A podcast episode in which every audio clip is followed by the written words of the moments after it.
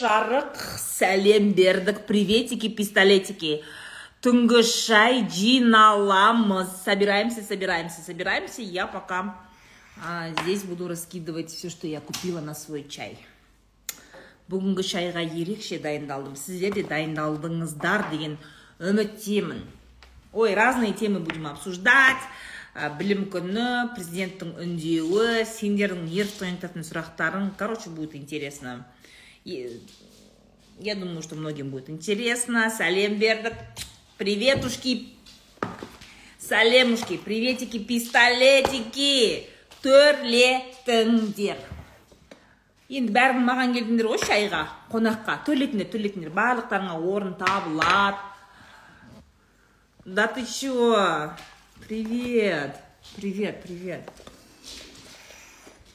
Приветики пистолетики. Хай. Дайындалып отырсыңдар ма шайға не алдыңдар. Я сейчас покажу что я купила себе на чай. Нерв тонататын сұрақтарды күтпеңдер сендер өздерің формировать етіңдер нерв тонататын сұрақтарды а, қош келдіңдер қош көрдік приветики сәлем бердік привет. Привет как дела? Давайте начнем. Что у меня на чай? Мен қазір ғана келдім супермаркеттен шайға не алдым. Я купила себе новый чай. Есентай мен чай алған кезде беру сразу с посудой чтобы удобно было хранить. Астына наклейкасын жазып тұрады анау мынау негізі мен ол жақта жүрген кезде өзім постоянно алатын чайым бар. Это малина с мятой. Бұл жерде составы жоқ басқа упаковкасында бар короче здесь как бы он называется чай но на самом деле это не чай. ішінде чай жоқ ягоды травы мята все дела чай у меня малина мята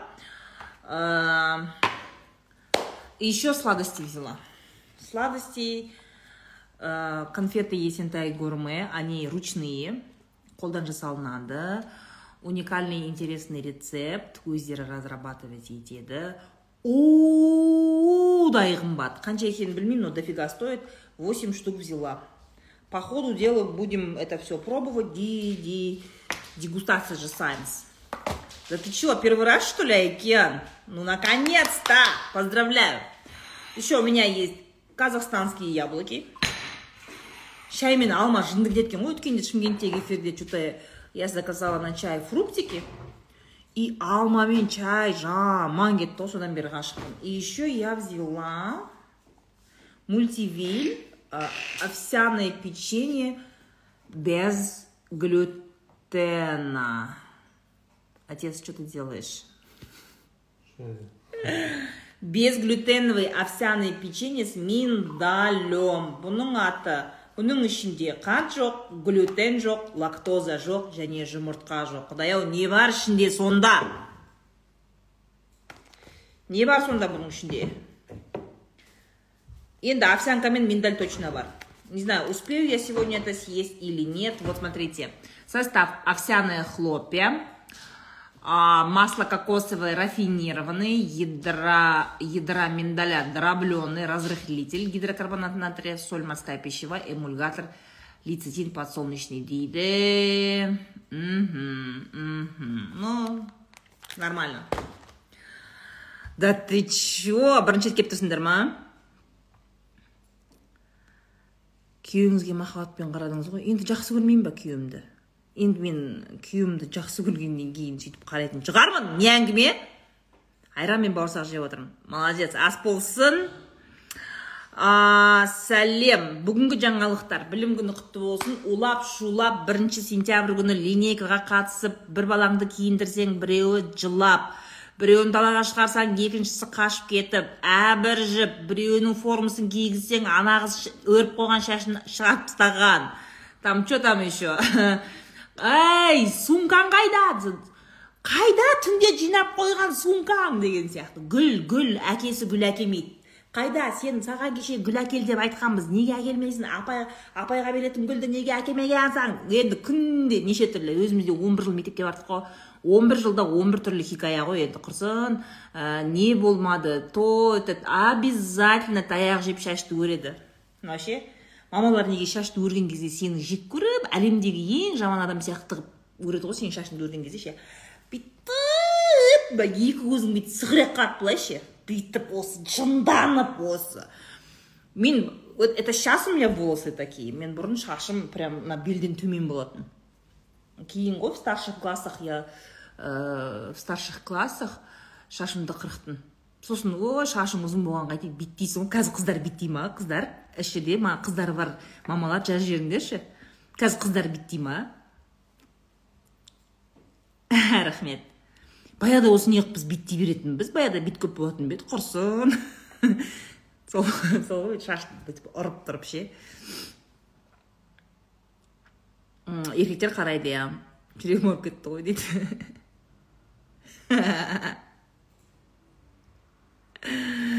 сәттілік мұғалім болып бастаған қыз. Атың толық жазбайсың ба? Миың ашымай 25 майға. Аман есен жетуіңе тілектеспіз. Биттей ма қазір?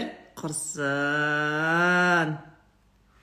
Кішкентай кезде ше шашың ұзын. Оны тазалаған кезде ше бүйтіп шашың иттің ғана қызы осы басыңды дұрыс жумайсың. Сол үшін сен басың биттейді деп басыңнан ұрып ұрып ана бейтарақпен шашыңды бүйтіп вот сол кезде де не құдайдың азабы неге шашымызды қырқып тастамайды сол кезде? Осы сұрақты қояйыншы мен мамама. Мама сен эфирде жоқсың ба осы жерде? Мамамнан сұрайыншы. Мама осы жерде болсаң осы жердемін деп айтшы. Ужас. Неге сол кезде қатты бүйтпейтін кезде шашты қырқып тастамайды? Осындай қылып қырқуға болады ғой. Нет нет ұзын болу керек қыздың шашы ұзын бол не құдайдың азабы оны жуу қиын да я же ребенок оны жуу қиын оны деген еще ана бейтарақ сынып кете береді нет нет мен мамаммен осыны ашық сөйлеспесем болмайды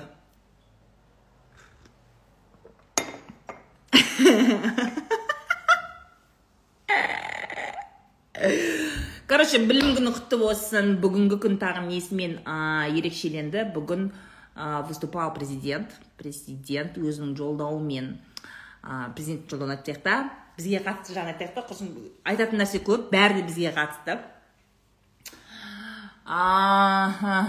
Екі министерство бар бізде. Суды реттейтін. И екінші министерство қандай деді? Водное хозяйство. Екіншісі а жол. Транспортный министерство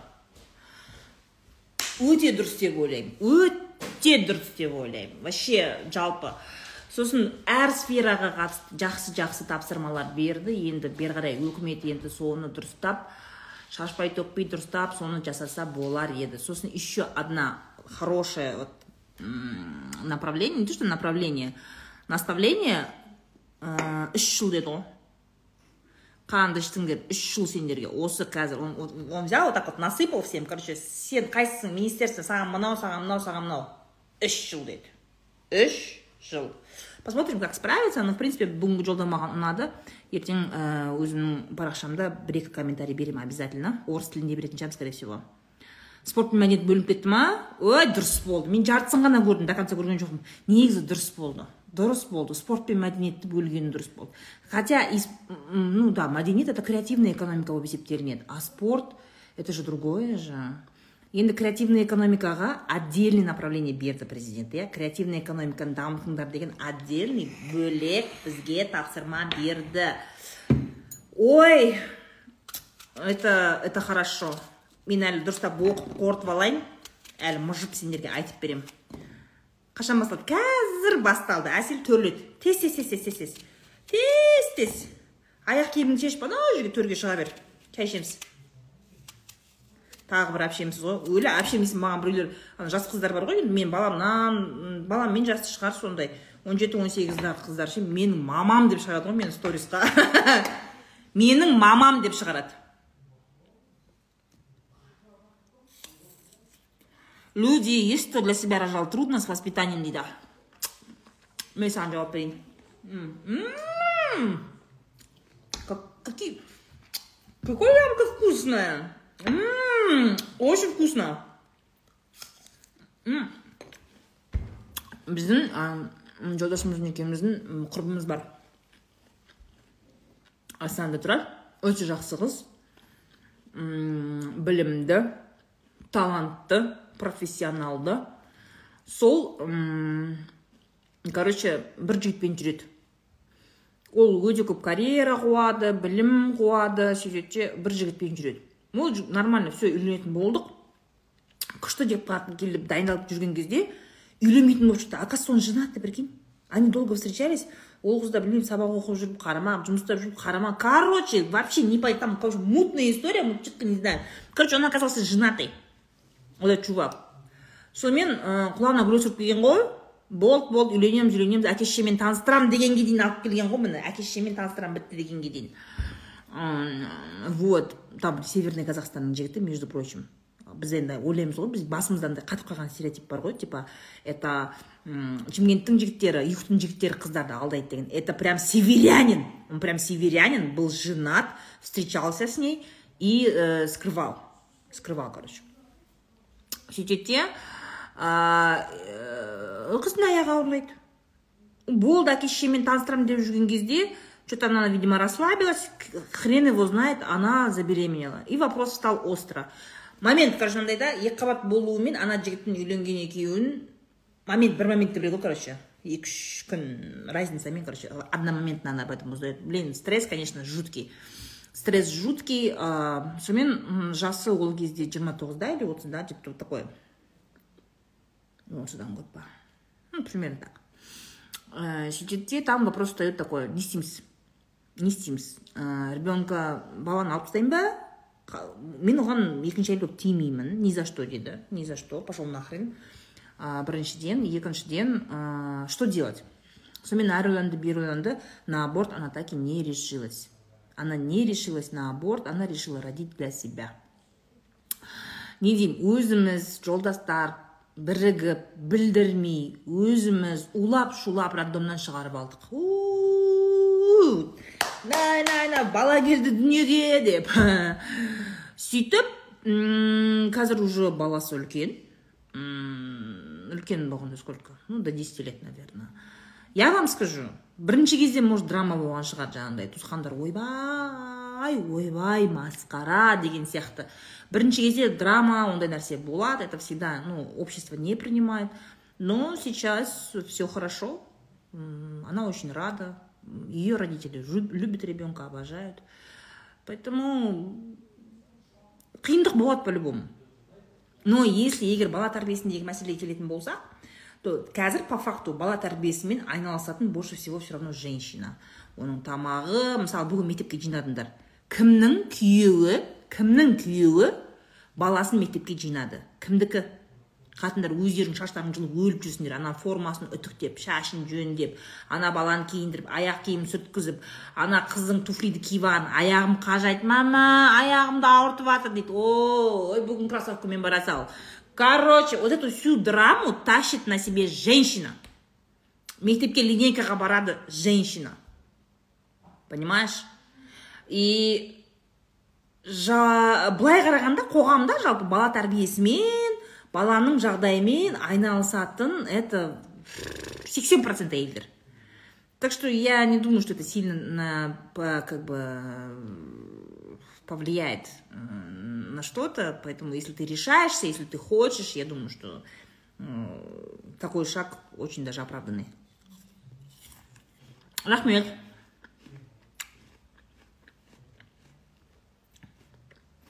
туфлилерің үлкен болып қалды ма меруерт е келесі жылы ел енді.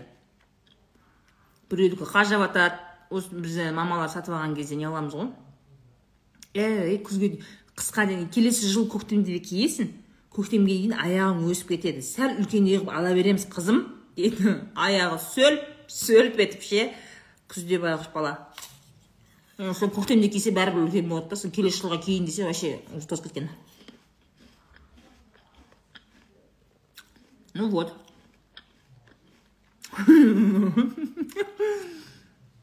Иә әйел деген бала шағаның бәрін мектепке кішкентайды садикке байын жұмысқа жібереді ғой такие мужики у вас беспомощные андай енді бытовой инвалидтер ғой өздерің сөйтіп тастағансыңдар ғой такие знаешь. Менің киімім қайда? Анау бар ғой ә, жұмысқа барған кезде сменный киім киетіндер болады ғой. Мысалы жұмысқа барған кезде. У меня у мужа такая работа. Ол жұмысқа барған кезде сменный киім киеді. И этот естественно у них дополнительный рюкзак заттармен душқа түседі енді промышленность қой енді өндірісте жұмыс істегеннен кейін соны айтады да он уже абсолютно самостоятельный. Өзі жиналады өз киімдерін реттейді өзінің рюкзагына салады не бар не жоғын четко біледі не нәрсе салып он четко все это знает. Өзіне керек нәрсені машинканы қосып жуып алады андай емес та қатын андай дайындап бер деген нәрсе жоқ та и он говорит он говорит на, на работе говорит почти все мужики сидят и думают басын қатырып қатыным нәски салмапты. Қатыным ана шлюпканы салмапты. Қатыным шалбарды салмапты. Бір бәле деп отырады дейді и, и он говорит для меня это так дико дейді да муж говорит для меня это дико.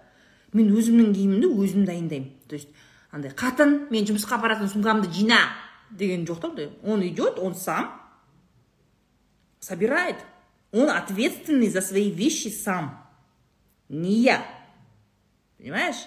И он говорит маған это дико для меня говорит это дикость потому что отырады дейді да жынданып нәски самапты айтып едім деген сияқты да. Он такой. И он такой не понимает вот это вот. Сендер өздерің бытовой инвалидтеріңді сөйтіп ұстағансыңдар ғой дұрыс үйінің қайда екенін білмейді.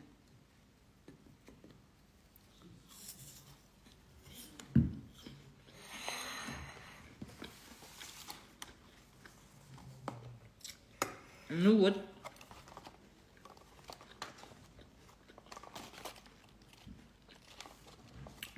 Будем пробовать супер дорогие конфеты.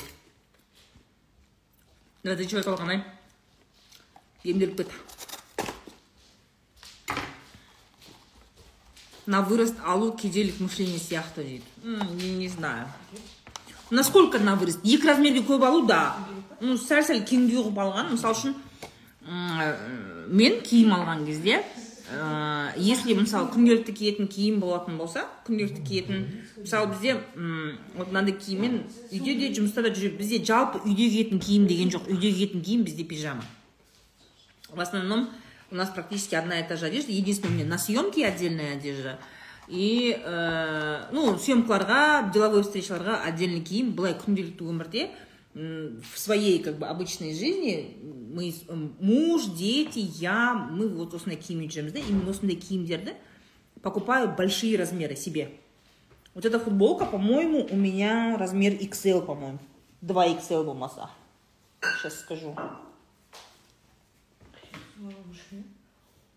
где здесь размер неважно короче XL по моему XL мен всегда на размер больше покупаю киімді И аяқ киімді на пол размера больше покупаю. Это прям мой лайфхак. Я не люблю, когда притык. Киімнің қысқанын, особенно шалбар, юбка алған кезде, бүйтіп отырған кезде мен егер мен обязательно киіп бүйтіп отырамын да. Если отырған кезде былай белімді, ішімді қысатын болса, мен алмаймын мен. Мне нужно, чтобы было посвободней. Понимаешь? Вы это считаете на вырост? И детям я так покупаю. Ну, не знаю, для меня это не на вырост. сендер кедей мышление деген бір біреулерді оқып алсаң жүресіңдер сосын барып ше өздерімен өздерің қуып бытовой инвалидті қалай жөндейміз он төрт жыл әй он төрт жылда жөнделмеген бытовой инвалидті енді жөндей алмайсың енді мойында тұрады дейсің ба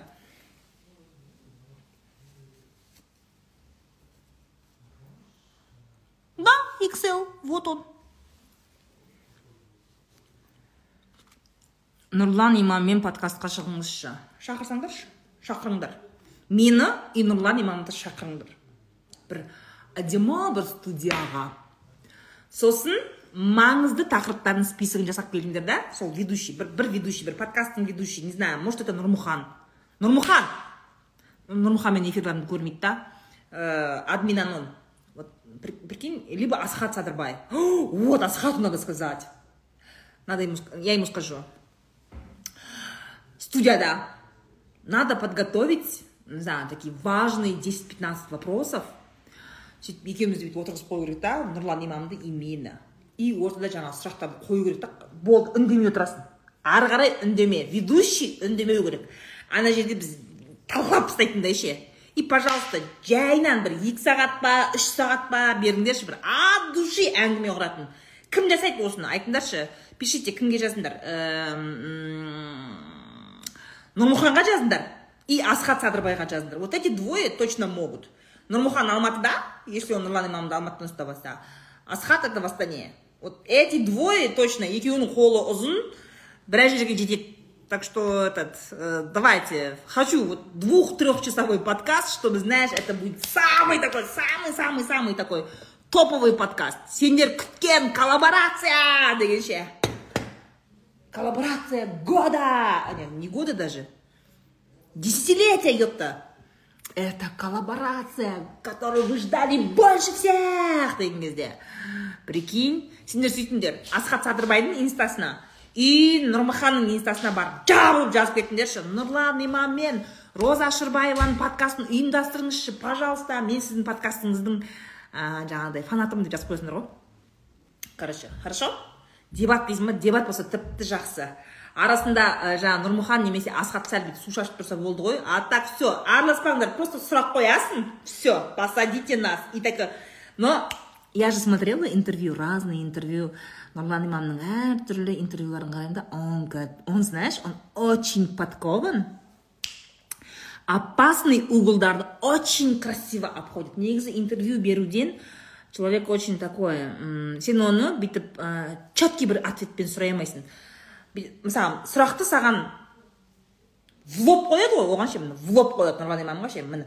Мынау бойынша не дейсіз деген сияқты да ол бүйтіп алып келеді да бүйтіп алып келеді да вроде бы сол сұраққа жауап беріп жатқан сияқты алып келеді да фук етіп айналдырып жібереді ана жерде ведущий да жынды болып қалады тыңдап отқан адамдар да жынды болып қалады. Он капец вообще. Коммуникация у него на месте. Коммуникация и искусство ведения интервью просто на месте. Вот он умеет обходить острые углы. Классный собеседник мне кажется. Я бы пошла с ним на подкаст. Это было бы что-то такое бомбическое. Осы қыздың жаңалығы! Нұрлан имам мен роза шырбаева! деген фук деген подкаст. Сосын жазып кетіңдерші махма. Все организуйте. Бәрі сендердің қолдарыңда халқым осындай подкаст көргілерің келсе бәрі сендердің қолдарыңда асхат садырбай мен нұрмұханға екеуіне кезек кезек жазасыңдар ғой пока кто нибудь из них не возьмется окей? Екі легенда екі тикток легенда деп все мы же договорились болып келістік қой екеуіне жазамыз вот екеуінің қолы ұзын так поехали. Конфетушки жазасыңдар ма спасибо спасибо. Я же знаю у меня самая активная аудитория. Өйткені сендер не қылдыңдар ғой түнгі студияға барып жаздыңдар ғой түнгі студия дым да даже бүйтіп даже бүйтіп даже бүйтіп қасын қиып жатқан жоқ қой. Они вообще даже с места не двинулись. Можешь себе представить? Но зато олардың парақшасында көп қылып сендер отметка жасағаннан кейін олардың аудитория келген ғой. Мынау кім? Бұлар неменеге мыналар неменеге мынаны отметка жасап жатыр деп олардың аудиториясы кіріп қараған ғой. Сөйтіп кіріп қарап естественно қалып кеткен менің парақшамда. Понимаешь? Вот, поэтому э, Аман Тасаган. Тимур Балмбетов, он, можно Тимуру тоже? Ну, не знаю, я просто Тимура лично не знаю. Я же была на подкасте у Асхата, я была на, на подкасте у Нурмуханова. Э, олар мені танит. Понимаете, в чем проблема? Все-таки у нас медиапространство, да, медиапространство, да, э, когда э, организатор, продюсер, еркісі болған кезде, все-таки я думаю, что уровень такого сексизма существует. То есть эксперт больше ну ерлер көбіне ер кісі эксперттерді шақырады. Они мужики любят знаешь собраться. Білесіңдер ғой өздерің? Еркектерді жиналып алып өздері қатынды бүйту керек қатынды үйту керек деген темада әңгімені өлтіреді ғой олар ше? Вот поэтому ә, лично танысам олар шақырады мысалы заинтересованность білдіреді. Да я розу знаю в принципе да она может прийти я могу организовать деген сияқты. Потому что нұрлан имамнан проблема болмайды. Нұрлан имамды подкастқа шақырайық дегенге ешкімде проблема болмайды. Но нұрлан имамға қосып роза шырбаеваны шақырады деген кезде кім? Кім? Это женщина? Она женщина? Она что популярная? Она против мужчин? Нет. Нет. Дейді. Поэтому мен кішкене рукопожатный сәл таныс болған нұрмұхан он меня знает. Я думаю что он меня знает он мой контент знает. И асхат меня знает. Уже олар уже более нормальный да вот розаны шақырған кезде а все нормально деген сияқты. Вот. Мен сізге мамашқа қарайсың деген бұйырсаң дейді да ты че круто. Аман тасығанның подкасттарын қарамайды екенмін қарамайды екенмін ә, тимурдың подкасттарын қараймын балымбетов. Ну балымбетов не будет меня звать я думаю. Не знаю можете ему тоже написать. Я на него подписана. Ә, былай енді алматының тусовкаларында көресің ғой но мне кажется он меня не знает он тупо меня не знает просто.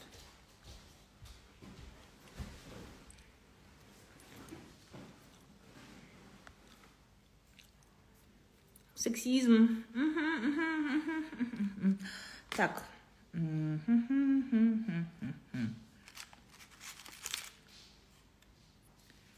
Сатушы мына конфетті мақтады это что-то молочное типа пралине бірдемсе бірдемсе она говорит она на вид страшная. Мне кажется на вид она страшная. Мына точкасы қара болғанда көз сияқты болатын еді. Это был бы вот. Ана мультфильмдегі көздер сияқты да? Вот вот.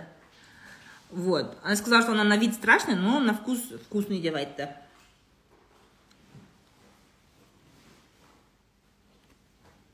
Басталып кеткеніне жиырма жеті минут болды.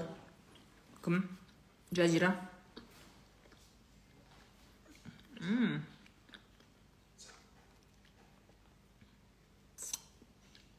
и тимуру напишите? Ну давайте. Ну давайте. Тимур балымбетовке честно говоряға баратын едім мен сосын жалпы да я бы пошла.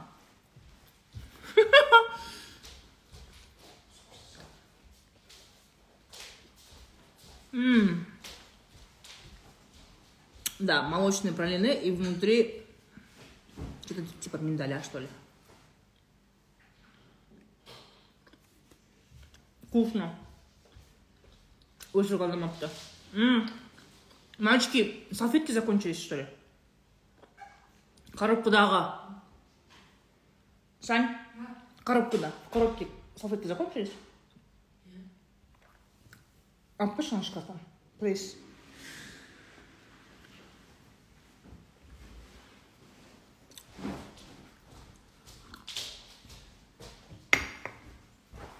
Табу деген білмейді екенмін. Не смотрела. Өзін күшті деп ойлап отырсың ба дейді ме? Менің ба? Мен ба? Иә мен өзімді күшті деп ойлаймын. Айнұр сен білмейсің ба не? Мен өзімді күштімін деп ойлаймын ше.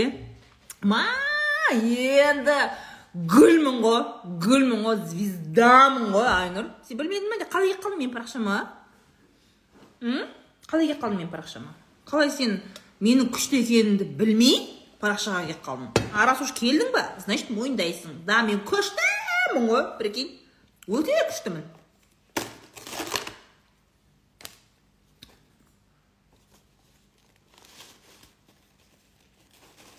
Қызықтаймыз қуып кетеді дейді. Қызықтаймыз подкаст емес қой это же просто программа же. Надо подкасты. Ребят надо топить за подкасты. Қырғызстаннан ерінбей көріп отырмын рахмет. Рахмет. Қайда неровтан айтатын сұрақтарым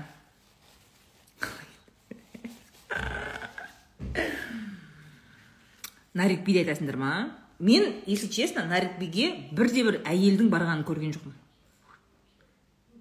По моему у него не бывает спикеров женщин. по моему он свой подкаст делает только для мужчин мужчины мужчинам сондай ғана сияқты деп ойлаймын бірде бір әйел қонақ көрмеппін нарикбидің подкастынан өтірік болмайыншы қазір көре салайын ютубта как у него подкаст называется прям нарикби называется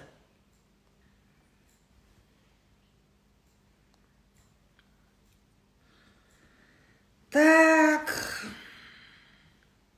нарикби подкаст Ой кстати құрманғазы садыбаев у него был недавно. Отырып асықпай көруім керек ертең выходнойда көремін ғой. А нет ошибка рабиға төлебай деген ә, қыз бар екен келіншек бар екен абай шығармаларын аударған. И дальше мужики мужики мужики мужики мужики мужики мужицкий дождь а иман қуанышқызы үйлену әлеуметтік желідегі әдеп туралы. Екінші әйел кетті. мужицкий дождь так еңлік келіпті ну понятно как можно еңлікті не звать үш қыз кетті кто еще үш қыз айна досқызы төртінші қыз просто нужно по проценту считать смотри вот я сейчас покажу тебе вот смотри мужицкий дождь так бір қыз кетті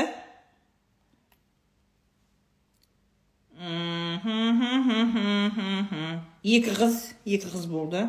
При этом дофига мужиков дофига мужиков. Екі қыз дедік иә. Так. Айнамен үш қыз.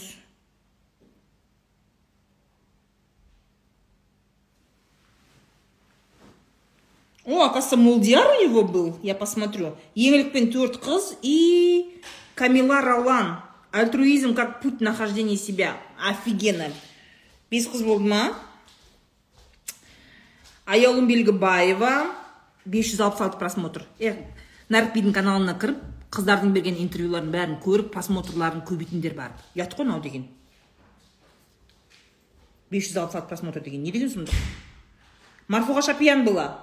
Короче 20 процентов. 20 15 мынаны есептеу керек. Не хочу өтірікші болғым келмейді бүкіл подкасттарды есептеп соның ішіндегі қыздарды есептеп қанша процент екенін есептеу керек та я считаю что он в основном делает подкаст для, для мужиков мужики мужикам еркектен еркекке деген простите ну простите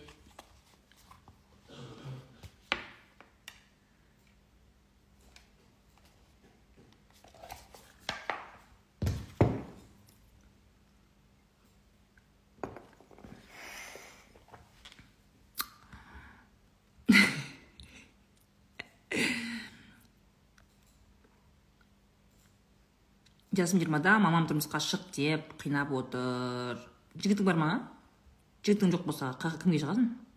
Гема подкаст деген кім білмейді екенмін ақкерім. Жігіт үйленейік деп қоймайды мен күт деймін жаспыз әлі деп. Дұрыс қыласың? Өте дұрыс. Қай жаққа қыласыңдар ақша тауып алыңдар бірінші. Өзімен он жас өткен жігітпен сөйлесіп жүр нормально ма дейді. Жасың қаншада он бесте болса не нормально?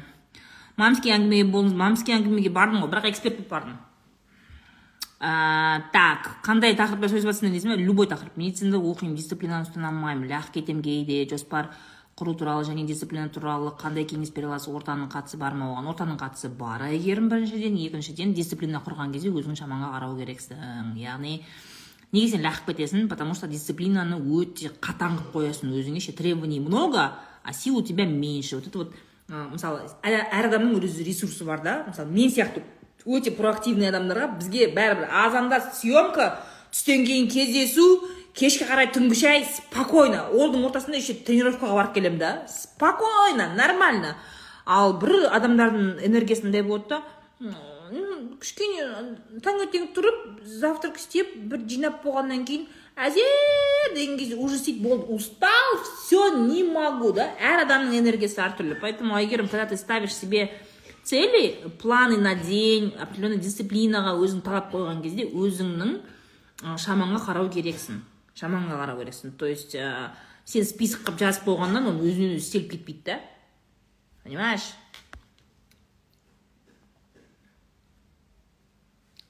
Қалай ақтасам болады? Ну наверное нужно идти к врачу во первых потому что а, лишний вес это говорит о о том что организм не здоров организмде биохимиялық процесстер дұрыс емес деген сөз. Например летом я обязательно набираю.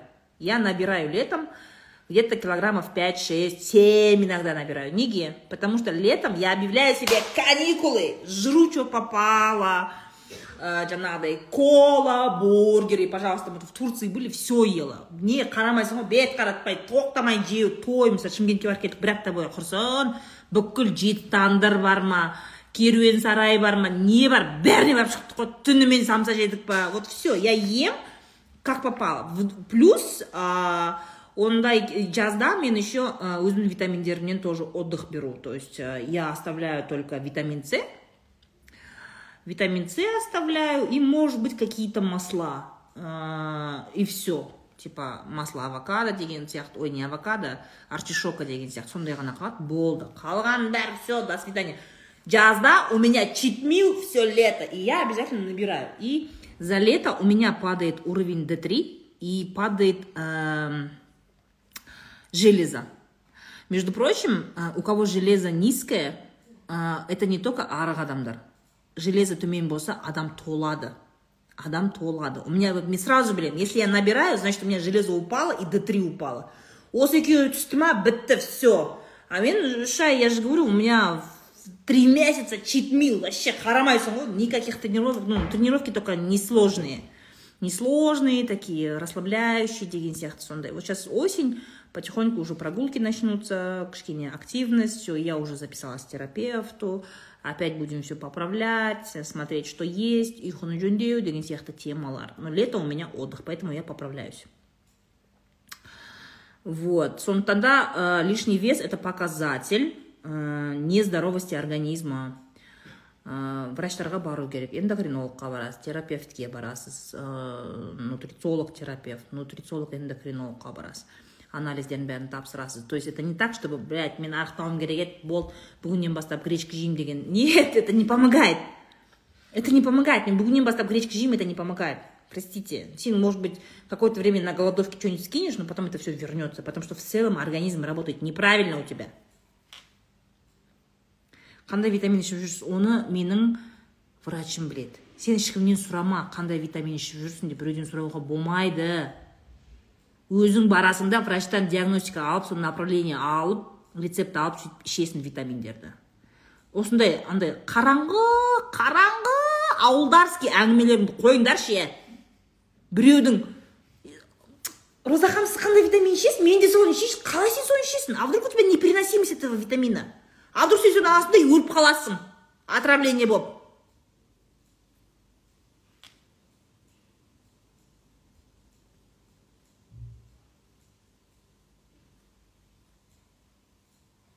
интеллигентін қууға барыңызшы дейді. Кімге? Нұрмұханға ма? Шақырса барамын ғой.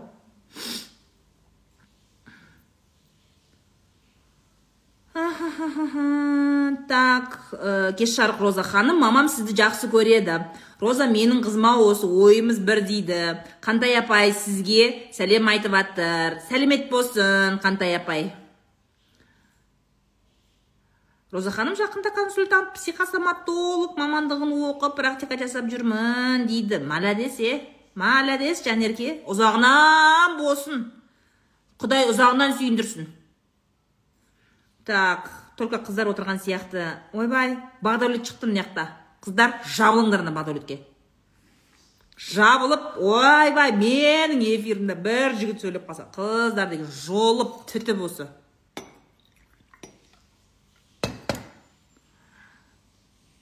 Что думаете насчет жахана это кто? Жахан деген кім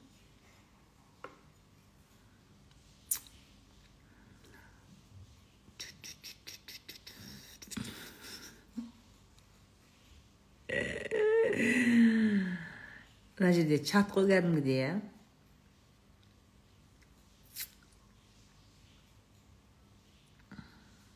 кәдімгі чат қой бір бірлерімен сөйлесіп ақш қа қара жұмысқа баруға не дейсіз? Не ол қара жұмыс деген? Жұмыстың қара ағы жоқ деп ойлаймын. Барлық жұмыс жұмыс. Шетелге барып жұмыс істесең жақсы емес па тіл үйренесің. Боянбасаңыз да сұлусыз. Рахмет. Мен білем мен боянсам да боянбасам да мен всегда сұлумын я это знаю. Спасибо за подтверждение у галеони привет добро пожаловать в турлет не дейді кім ажырасып кеткен қандай өсек айтып жатсыңдар е ерімбетова қандай өсек роза ханым күйеуіңіз қай жердің тумасы жамбыл облысы не болды а қоя тұр мен эфирде отырмын.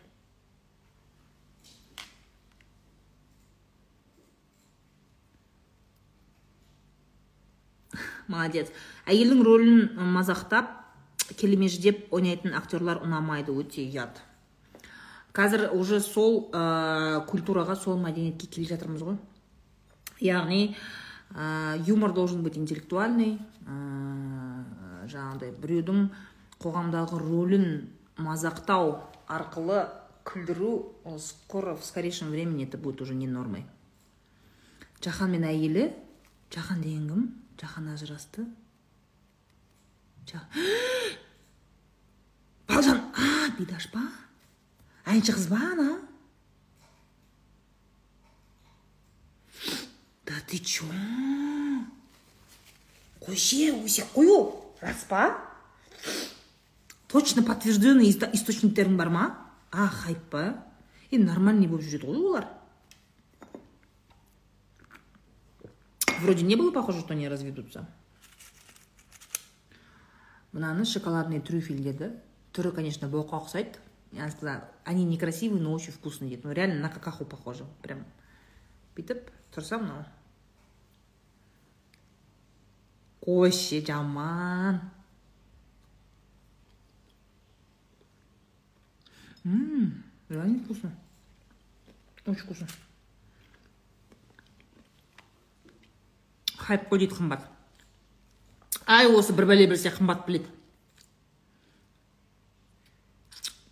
а осы осы маликамен маликамен қымбат бір бәле біледі білсе қыздар сендер өйтіп не не қыла бермеңдер. Өйтіп әлі ондай нормальный болып жүрген семьяны ойша ажырастырмаңдар. Қой. Нелерің бар?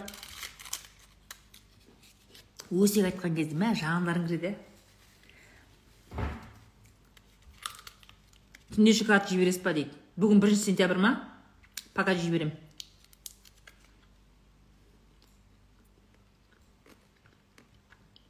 мхм. Мхм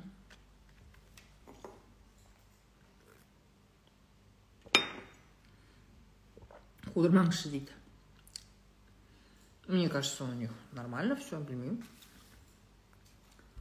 конечно жаһанның образы басқа әйелдерге ұнамауы мүмкін. Но енді өзінің әйеліне ұнаса болды емес па сендер не қылайын деп еді жаһанды у него же жена есть. Жена которая выбрала его.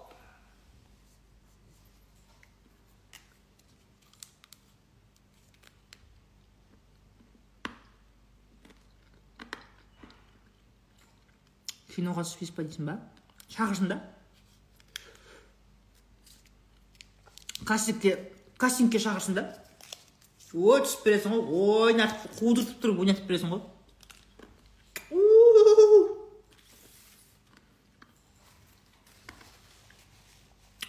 Любой рольді өлтіріп жейтін сияқтымын ғой мен.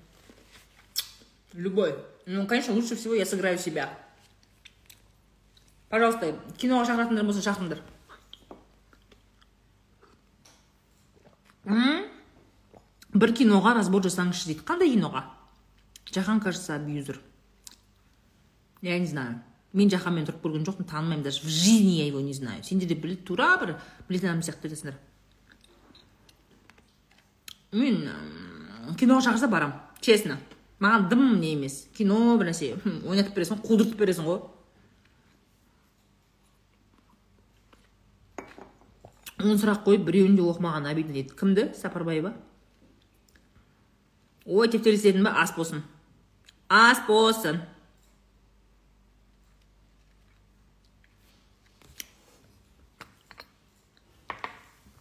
Комедия дейсің ба? Ну комедия да. Я и мне кажется я, я смогу сыграть и драматические роли тоже. Все қандай киноға разбор? Заказывайте. Қандай киноға разбор? Андай сериал айтып қудыртпаңдаршы андай ше.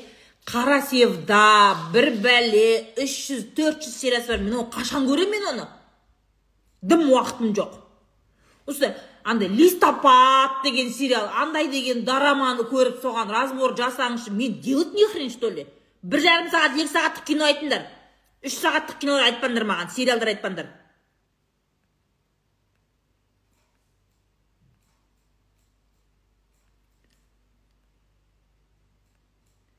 иә унесенный ветром американский психопат оның несін көресің өзі психопат деп айтып тұр ғой чтобы мен оны көріп ойбай мына кинода мынау психопат екен деп айту үшін ба титаник три часа 50 оттенков серого ну это вообще ни о чем это вообще ни о чем унесенный ветром ну не знаю ну что его смотреть-то Білмеймін что там разбирать? Ерке мен райымның клипін дей ма о ең қысқа разбор болатын сияқты. Ол үш минуттық өлеңді аласың да жарты сағатта. Опенгеймерді болмайды әлі. Ол жүріп жатыр ол әлі. Дорама айтпа дедім ғой сендерге? Сериал ол. Джой. Про про сильных женщин. Типа такая знаешь дома сидела сидела дома сидела дома сидела дома. И раз! Атып кететін ба мә әйелдер біздің қазақ әйелдерінің бәрінің ол арманы ғой.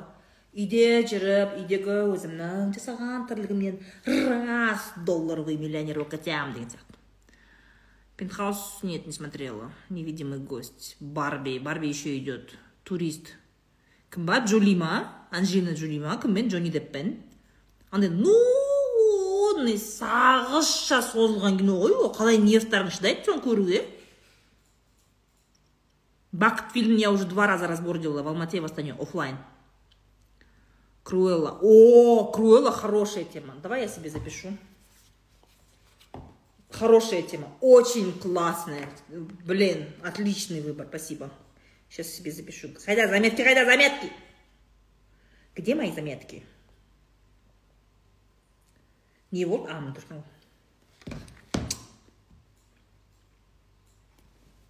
жазыңдар жазыңдар жазыңдар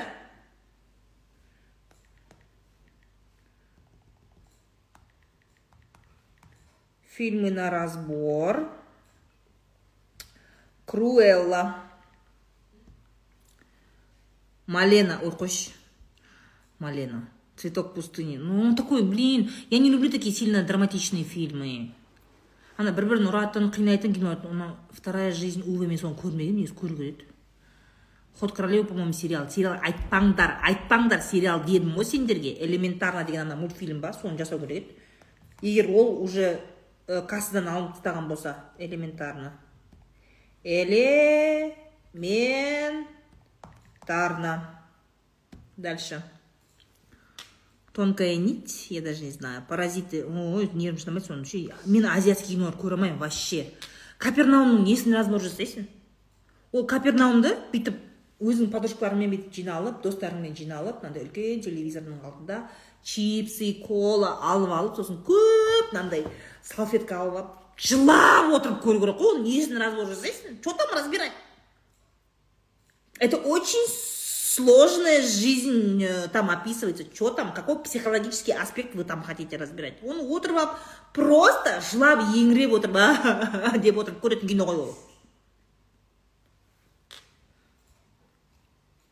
меня зовут Хань, не знаю. Балерина. Энканто. Энканто деген мультфильм емес па? Неплохо, неплохо, неплохо. Я давно мультфильмы не разбирала. Единственное, мультфильм разбор жасаған кезде маған қиын, есть опасность. Например, э, когда я разбирала душа, қазір тұр ғой актуальныйда э, стористар сақталған. На самом деле сторисов больше. Сторисов больше, потому что ә, кейбір стористарды мына отрывок саласың ғой диснейда очень сильно работает система защиты контента сразу инстаграмнан предупреждение келеді маған погоне счастьем істеп қойдым ғой е қақарап жүрсіңдер в погоне за счастьем я уже разбирала көрсетіңдерші актуальныйды и а джой и короче дисней пиксар они свои мультики это прям защищают просто пипец. Олар этот ә, меня чуть не заблочили. Кейбір жаңағыдай отрывоктарды саласың ғой чтобы разбор жасау үшін ше это просто они все время отправляли мне предупреждение все время грозили сейчас мы будем подавать жалобу анау мынау сосын сол именно жалоба келген стористарды я удаляла. На самом деле их было больше. Всегда говорит да м-м, отличный позитивный фильм не дейді мынау қазір қояйықшы эфир жасап жатырмын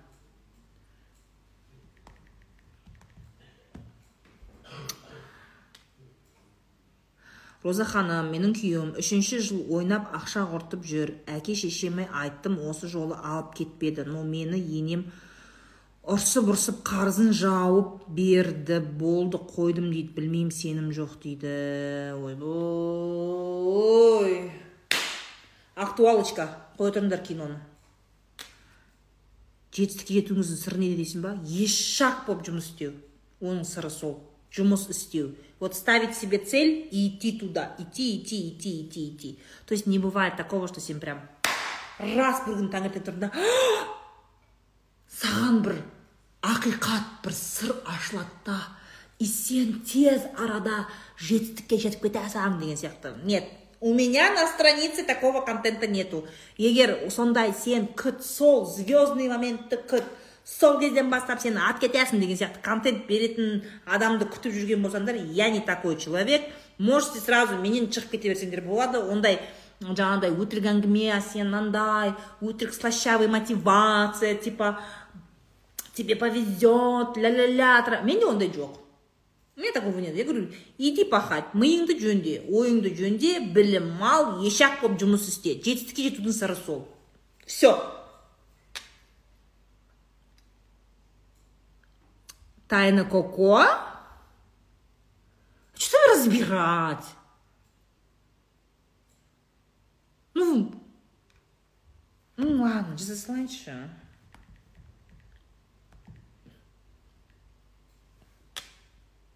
тревожно избегающий тип привязанностьтен қалай арылуға болады психотерапевт. Сен қазір тревожно избегающий тип деп өзіңнің диагнозыңды четко айтып отырсың ба? Сенің диагнозың ба? Врач қойды ма? Ондай диагноздармен работает психотерапевт. Болып қалғанын өздерің разбор жасап алдыңдар дейді.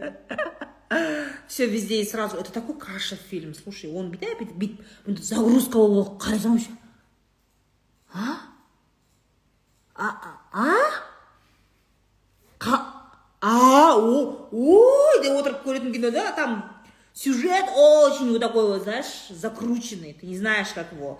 Я думаю, что мне пока норм. Я себе записала, спасибо. Короче, сізді бұрын тыңдамағаныма өкінемін дейді енді қазір тауып алғанға қуансайшы зачем тратить энергию на то что тебя напрягает рататуй о боже. Это же наш любимый семейный мультик.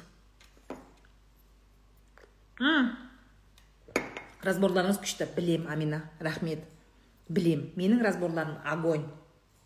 Менің разборларым просто топ. Огонь выше екен мен білем рахмет. Короче жаңағы автордың сұрағы. Енді примерно очередной эльмира болып тұр ғой білесіңдер семейный советті семейный совет деген видеоны көрдіңдер ма? Мен парақшамда көрмедіңдер ма? Соны айтыңдаршы. И тиктокта бар и инстаграмда бар. Кім көрді семейный советті эльмира менчинаның историясын кім көрді? Көрдім көрмедім. Көрдім көрмедім жазып кетіңдерші.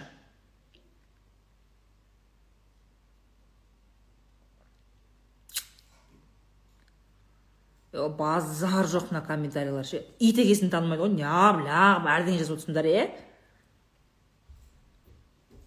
ит егесін танымайды ғой мына комментарийде тынышталып отырыңдаршы қазір өшіріп тастаймын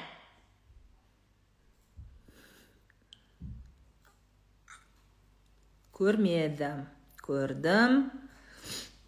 Көрмедім көрдік. Көрмедік. Господи вот так вот идет. көрдім көрмедім любит не любит любит не любит любит не любит көрдім көрмедім көрдім көрмедім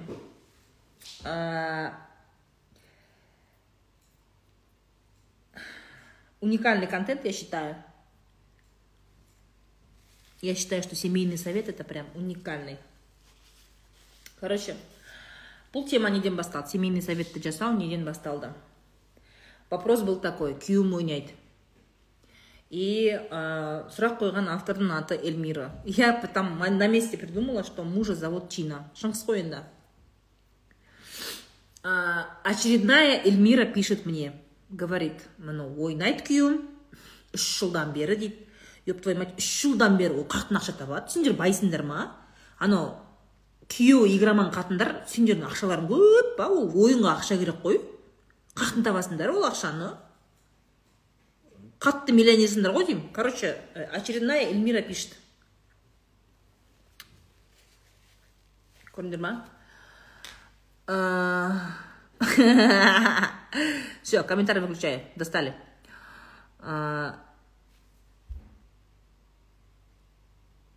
очередная эльмира пишет.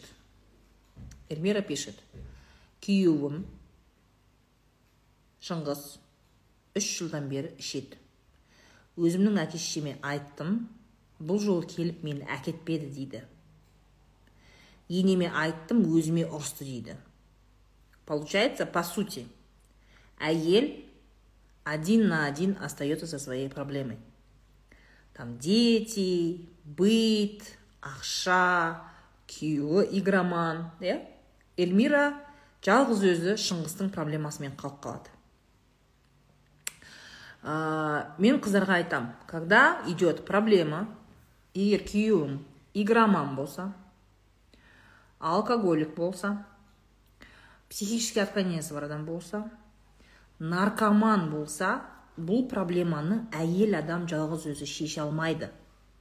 Шеше алмайды. Сондықтан да я всегда говорю қыздар семейный совет жасайсыңдар. Яғни отбасыдан өз жағыңнан ата енең жағынан сен поддержка сұрайсың.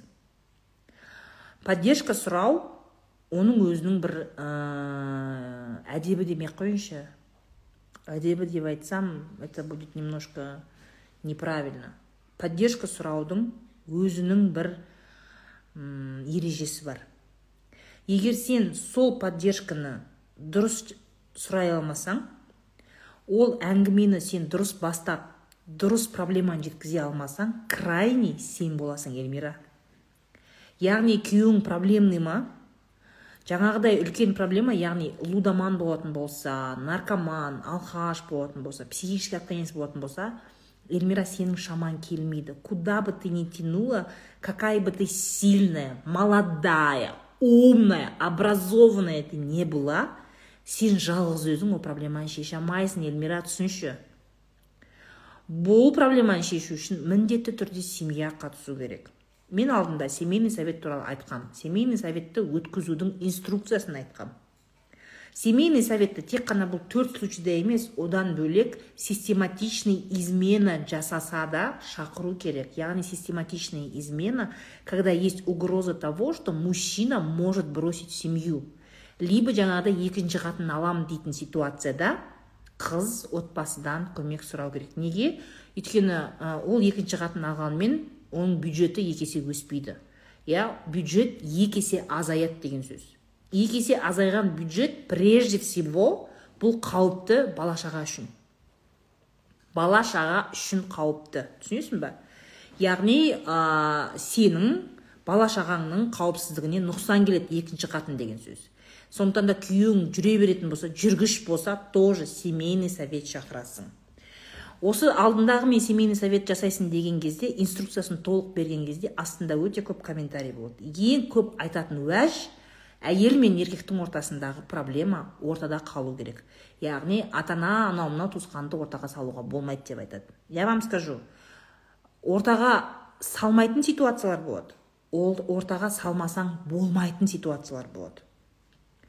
Еркек уже әйелінің айтқан әңгімесіне иә пожалуйста қойшы істемеші олай деген кезде бір жеріне қыстырмай көтіне де қыстырмай білген істеп жүрген кезде әйелдің шамасы келмейді. Сколько бы она там не прокачивала сколько бы она там свою женственность не прокачивала знаю там дышать маткой готовить 9 блюд за раз я не знаю еще похудей делай что хочешь қатын женщина эльмира ты можешь делать все что хочешь но если твой муж не слушает то что ты говоришь сенің жанайқаныңды естімесе сенің ешқандай әрекетің марафондарың дышать маткой ештеңе тебе жүз рет женственность прокачивать етсең де никак не подействует.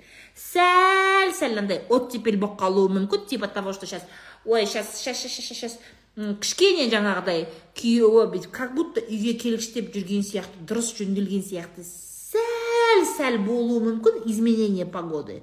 Ну в основном ситуация останется так. Сондықтан да қыздар мен сендерге ең бірінші айтатын нәрсем семейный совет жасалыну керек. Ә, және семейный советте осы бес проблема ә, даже алты проблема көтерілу керек. Бірінші игромания екінші алкоголизм үшінші наркомания төртінші ә, психологиялық отклонениесі бар адам бесінші ұратын ер адам иә қол қышып әйелді ұрғысы келіп тұратын адам. Алтыншы измена. Осы алты тақырыпта обязательно семейный совет жасау керек. О давайте я вам еще бонусом добавлю. Жетінші тақырып ер адам ақша таппайды. Осы жеті тақырыпта екі жақтың туған туыстары жиналып жастарға көмектесу керек. Я же не говорю вам идите там я не знаю там бір біріңді ренжітіп қойыпсыңдар там не знаю он тебе что то там обидел грубо что то сказал идите семейный совет шақыр деп жатқан жоқпын это очень глобальные проблемы которые женщина одна нести на себе не может. Өлсеңдер өліп кетіңдер әйел жалғыз өзі. Осы жеті проблеманы шеше алмайды. Туған туысқаннан поддержка керек. И семейный совет деген видеода мен осы семейный советті қалай өткізу керек оған қалай дайындалу керек? Сол туралы инструкция бергенмін. Түсінікті болды ма енді? Осы қақылдап бір бірлеріңе сөз бермей.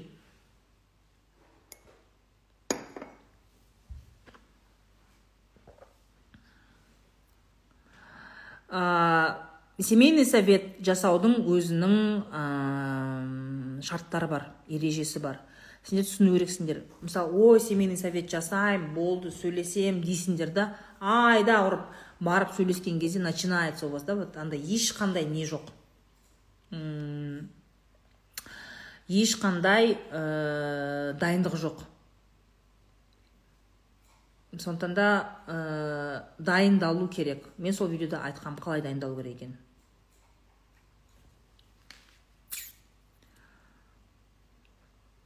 Там же не до конца дейді тиктокта до конца просто инстаграмға сыймады инстаграмға сыймады күйеуіміз екеуміз шай ішіп көріп отырмыз дейді қарлығаш.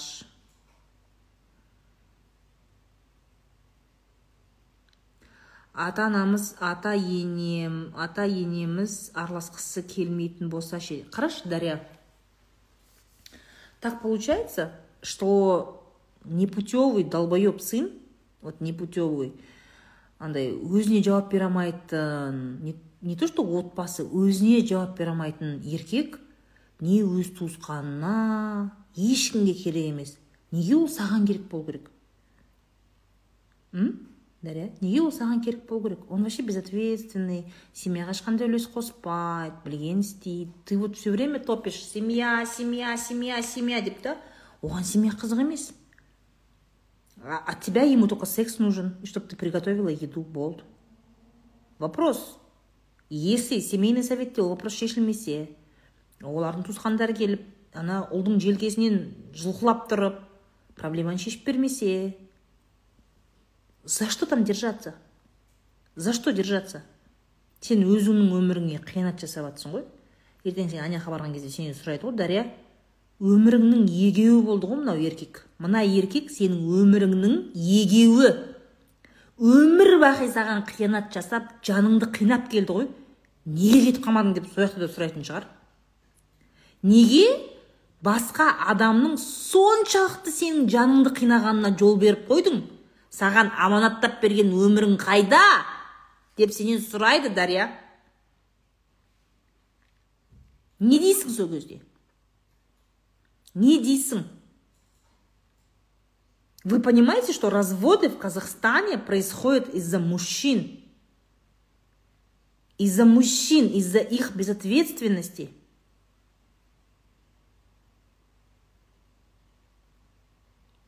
мен түсінбеймін да сенің еркегіңе семья керек емес ол еркек еще өзінің әке шешесіне керек емес Ол сенің өміріңнің егеуі ше егеу егеу сен сенің жаныңа тәніңе тыныштығыңа жүрегіңе ойыңа қиянат жасайтын адам. Сен соны күйеуім деп сыйлайсың ба? Практически все разводы в нашей стране из за мужчин. Бақпайды қатын қуалайды ұрады. Сол и еще үшінші ортаға үшінші жақ түседі. Это естественно ене қайнапа вот это все у нас разводы практически всегда из-за мужчин. Әйелдер еріккеннен ажырасып жатқан жоқ қазір. Не делать нехрен. Вот вот әйел мысалы мысалы қыздар күйеуге тиіп жатыр қыздар күйеуге тиіп жатыр да. Бақытты болам деп тиеді. Міне мен сүйемін осы адамды. Осымен отбасы болам. Осыған бала туам. Осымен бірге өмірімді өткізем деп қол ұстасып кетеді жаңағы жігітпен ше. Өмірге қарай үлкен өмірге қарай. А он не делает свои обязанности. Еркек міндетін атқармайды. Ұрады ішеді шегеді игроман ақша таппайды жаңағы әке шешесінің бүкіл туысқандарының ортасында әйелін жалғыз қалдырып кетеді осы ма еркектің жаңағыдай семьяға қатысуы отбасы болу сенің күйеу болу рөлі сол ғана ма балаға қарамайды естественно у нас разводы только из-за мужчин только из-за мужчин. У нас нету такого, чтобы әйел никогда ажырасам болды, мен сені сүймеймін. Әйел даже сүймесе де шыдайды. Даже когда любовь проходит, женщина до конца держится за семью. Бала шағам бар, құрсын. Бала шағам жетім өспесін.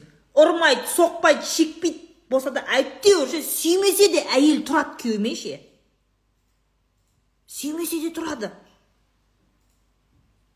әйел бәріне шыдайды бізде ол чтобы әйелді ажырасуға алып бару үшін сен настолько мал болу керексің да мал сен адам емес мал уже малды да жалко бар ғой негізі ше. Малдың еш несі жоқ қой. Сен адам адам сенің кейпін қалмаған ғой. Если ты довел женщину до развода мужчины доводят женщин до развода а потом бүкіл қоғам бүкіл еркек әне отбасын сақтап қалмады дейді да. Бірде бір еркекке отбасын сақтап қалмады деген претензия айтылмайды ғой. Неге ажырасқан еркекке мысалы қыздар сендер ажырасқан еркектермен танысасыңдар иә? Мысалы жігіттер өздеріңде таныс достарың бар араласатын адамдарың бар там арасында ажырасқан еркек бар шығар. Соны сен біреуіне бүйтіп бетіне бүйтіп бүйтіп бетіне басып көрдің ба? Ей ей бақдәулет отбасыңды неғып сақтап қалмадың? Неге до конца тұрып бермедің отбасын? Отбасын сақтап қалу керек едің ғой деп біреуің айтасыңдар ма? Айтпайсыңдар. Ал әйелге айтады неге сен отбасын сақтап қалмадың? деп айтады. Еркекке бірде бір рет айтпайды сөйтіп. Потому что женщина всегда за семью. Жабысқан жерінен ал ажырамайды. Әйел ажырасам деп ажыраспайды. Нужно женщину әйелді өте қатты езген кезде ол амал жоқ ажырасуға береді. Амал жоқ береді. Чтобы женщина не знаю женщины эмоциональные они так привязываются даже сүймесе де үйреніп қалады да жаңағыдай привязка болады да сүймесе де тұра береді күйеуімен ше ол әйелдің жанын өте қатты қинау керек чтобы она подавала на развод у нас все разводы происходят из-за мужчин безответственность пьянство игромания не зарабатывает деньги влезают его родственники Бесхребетный шешім қабылдай алмайды бір амеба жүрген бәрі инфузория туфелька бәрі раздражает. Не әке емес не еркек емес. Поэтому женщины подают на развод. А вы что хотели?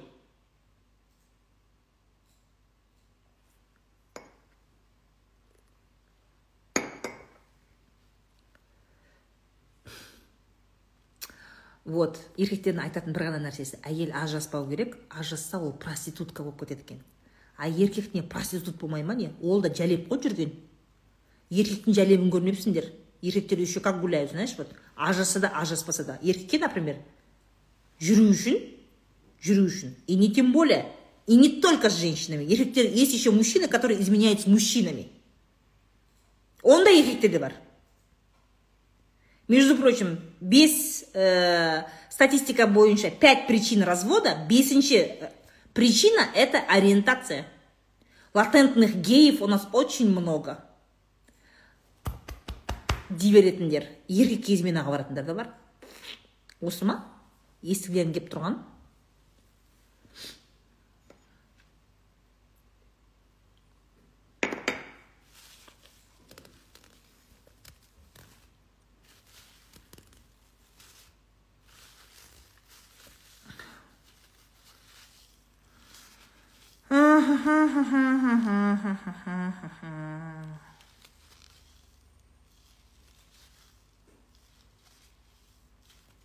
кетіп қалдым іздеп жатқан жоқ. Ол мамасының айтқанын істеп отыр. Міне мысалы ә, әйел бала шағасымен кетіп қалса артынан еркек іздемейді сонда сенің сүйем дегенің қайда? Екеуміз бала туайық балалы болайық отбасы құрайық дегенің қайда? Сонда даже ренжіп кетсе даже артынан бармайды да. Әй екеуміз отбасы едік қой деп сұрауы жоқ та сонда. Получается мужчины берут женщин используют. Вот бірінші әйел кетсе кете берсін екінші әйел аламын. Кетсе кете берсін тағы аламын. То есть женщина как расходный материал рабочая сила. Женщина давно не человек в глазах у мужчин.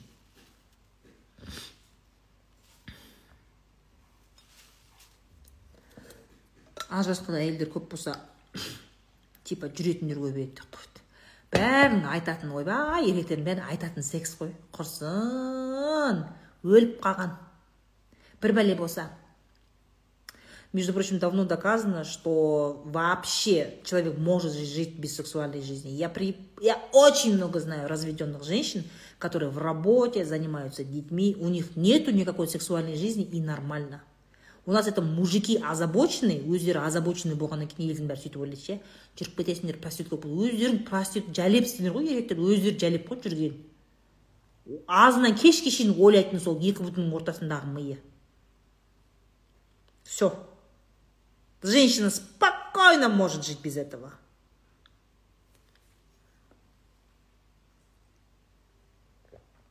ажырасқан әйелдердің проститутка болғанын көрген жоқпын. Я такого не видела. Ешак болып еркек болып жұмыс істейді ажырасқан әйелдер ше. Еркек болып ажырасқан әйелдер еркектің орнына еркек болып жұмыс істеп жатыр ғой. Сендер уайымдамаңдар ажырасқан әйелдерді бар ғой. Ойбай ертең жүріп кетесің проститутка болып кетесің деп уайымдамақ қой. Әйел ажырасады да сен еркек болмағаннан кейін сенің орныңда қоғамда еркек болады. Вообще не переживай.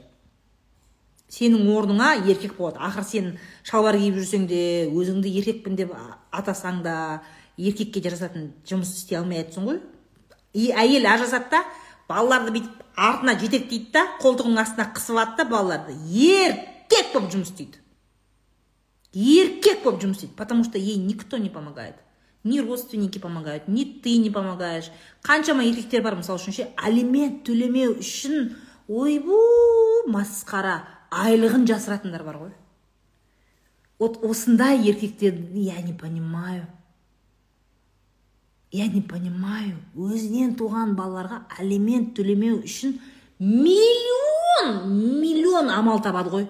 Неше түрлі справкілерді істеп доходтарын жасырып жоқ менде ақша жоқ деген сияқты дүниесінің бәрін жасырып өзінің туған балаларына бермейтін осындай долбоебтар көп қой. Ал олардың проблемасы әйел ажырасып проститутка болып кетеді. Е бала шағаңды асырап алшы е.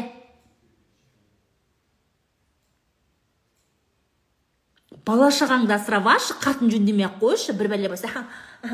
Қатын ажырасса жүретін қатындар көбейіп кетеді зина көбейіп кетеді проституткалар көбейіп кетеді. Проститутки как они были так и были. Олардың процентовые соотношения никогда не менялись.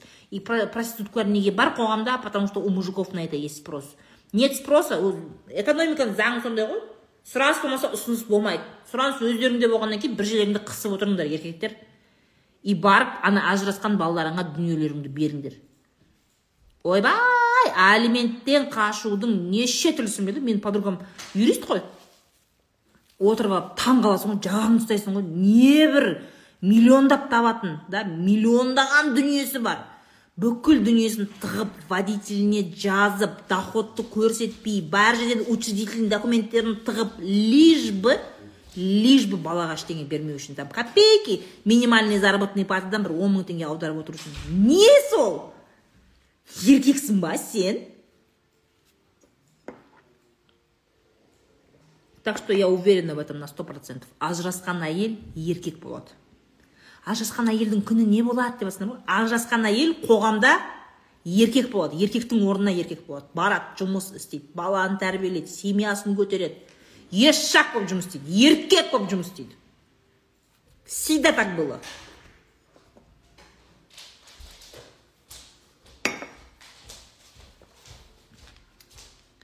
Баласына алимент аз төлеу үшін ип ға жұмысшы болып тіркеліп ең аз алимент төлейді. Ми істеп кетеді сондай кезде дейді. Вот вот ты правильно говоришь. Бар жердегі доходтарын жасырады да бір какой то бір ип ға минимальный зарплатаға тұрады да сөйтеді копейка береді. Бір он мың теңге он екі жиырма мың теңге береді. Екі балаға үш балаға. При этом өзінің өзінің тамағынан спокойно өтеді да. Ал сендер еркектерді төбелеріне көтересіңдер. Мысалы ажырасқан жігітпен жүремін дейсіңдер да қыздар өздерің айтыңдаршы. Мысалы ажырасқан жігітпен кездесемін. Ажырасқан жігіт бұрын ажырасқан. Бала шағасы бар. А сен сұрашы содан? Алимент төлей ма? Толық төлей ма? Сен содан сұрашы? Скорее всего төлемейді. И ты с таким долбоебом встречаешься. Зачем? Ну содан ақ көруге болады ғой что он долбоеб. Өз балаларына жауапкершілігі жоқ. Даже ақшасын адалымен төлемейді.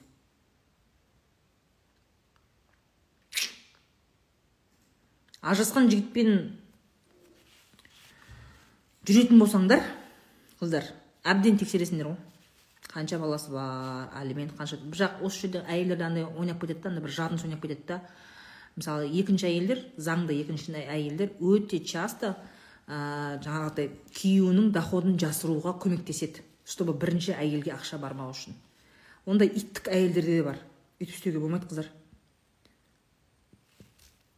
Әлі отырсыңдар ма дейді енді түңіша емес па?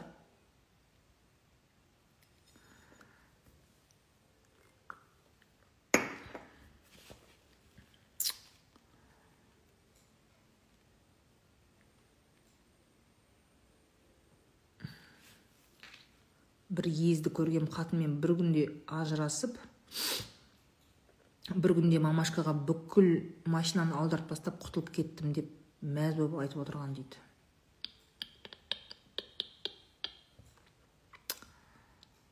Мына жерде барлығы қыз келіншектер сияқты ғой дейді.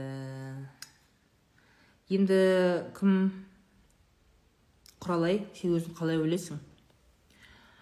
Еркектердің ерсі қылықтарын айтып отырған әйелді еркек тыңдай ма тыңдамай ма? Қалай ойлайсың? Даже ойбай еркек деген пірің еркектен ажыраспа. Кеше анау неде ана телевидениедағы ана бір қатын сияқты да ше. Ажырасқан қатындар сендер қоғамның ең бір бәлесі деген сияқты отырды ғой. Я не знаю как ее зовут вот это истеричная ауру ма сияқты ғой өзі. Деген сияқты да. Хорошо даже ана еркектердің бүйтіп табанын сүйіп отырса да ее никто не слушает.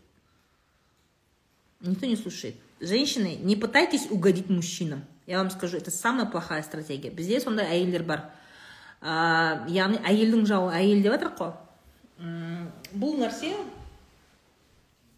әйелдің жауы әйел болатын система қайдан туындады? Бізде қоғамда доминантты рөлде еркек болғандықтан иә ол доминантный рөлде болып тұр ғой қоғамда.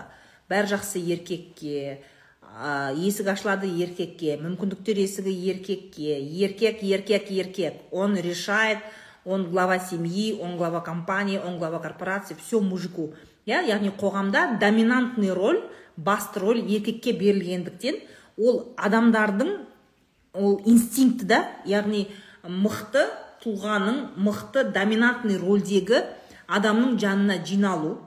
Және сол адамның жаңағыдай ілтипатына соның бір ә, жылуына мені көрсе екен мені мақтаса екен мені қорғанына алғыса екен мені поддержка жасаса екен деген сияқты ниеттегі адамдар жиналады. Иә егер доминантный рөлде біз еркекті алатын болсақ то оның жанында за соперничество его внимания борются женщины.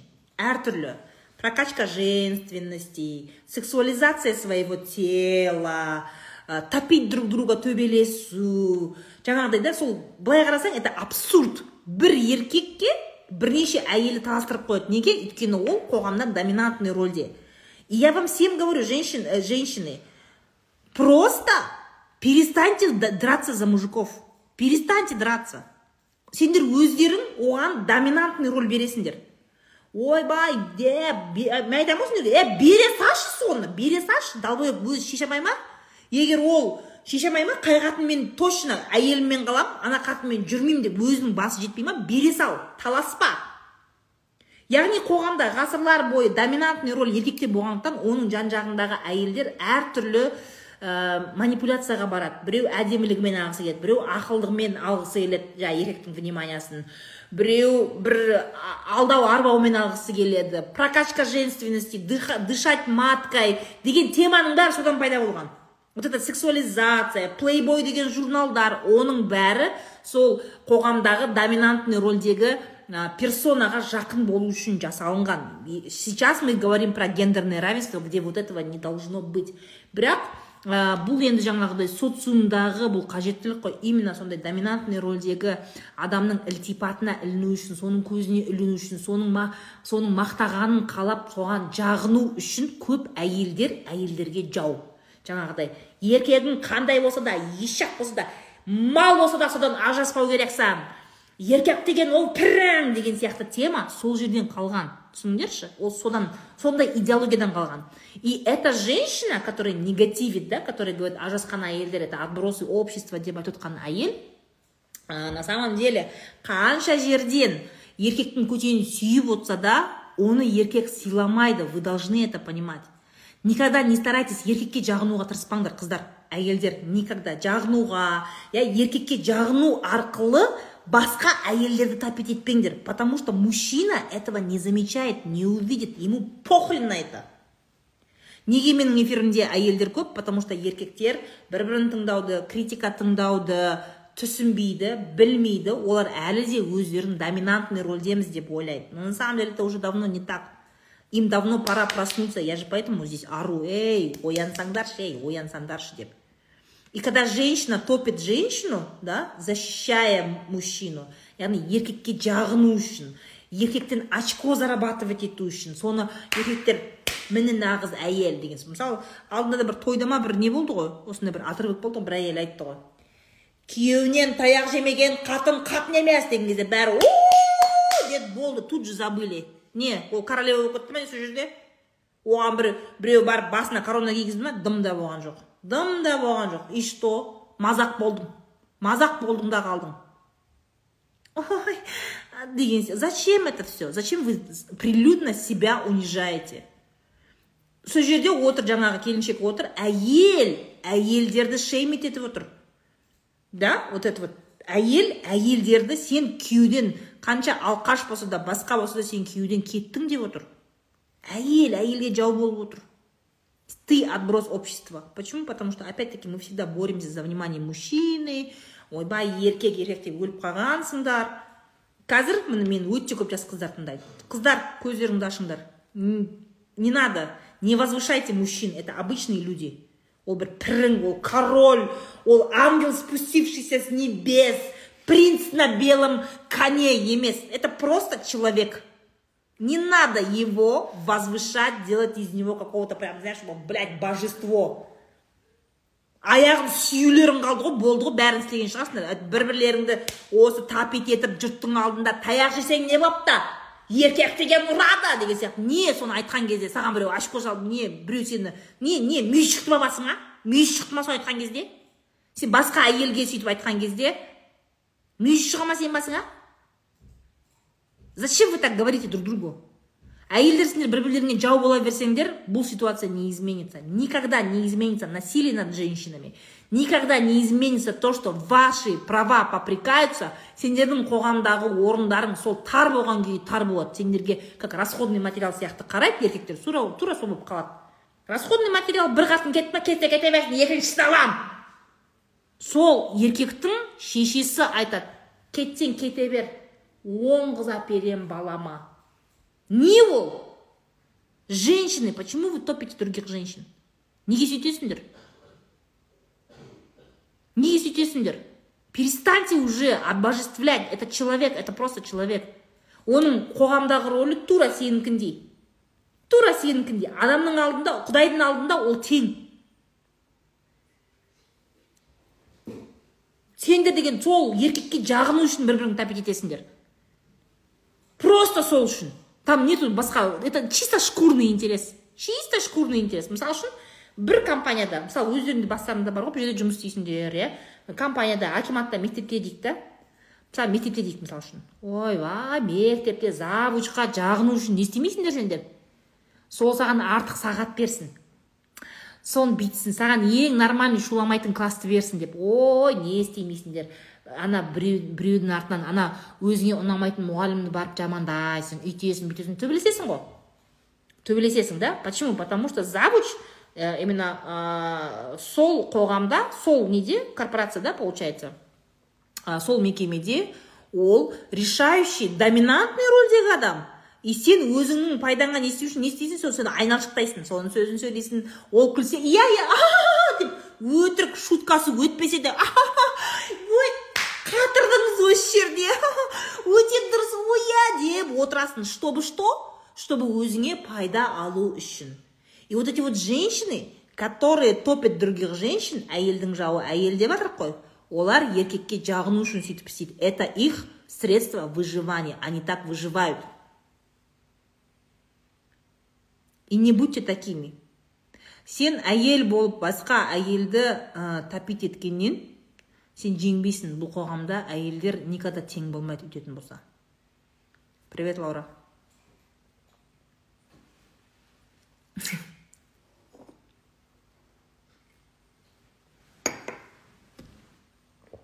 Ой мені тыңдайтын ер азаматтар өте көп тығылмай ақ отырған ғой медғат деген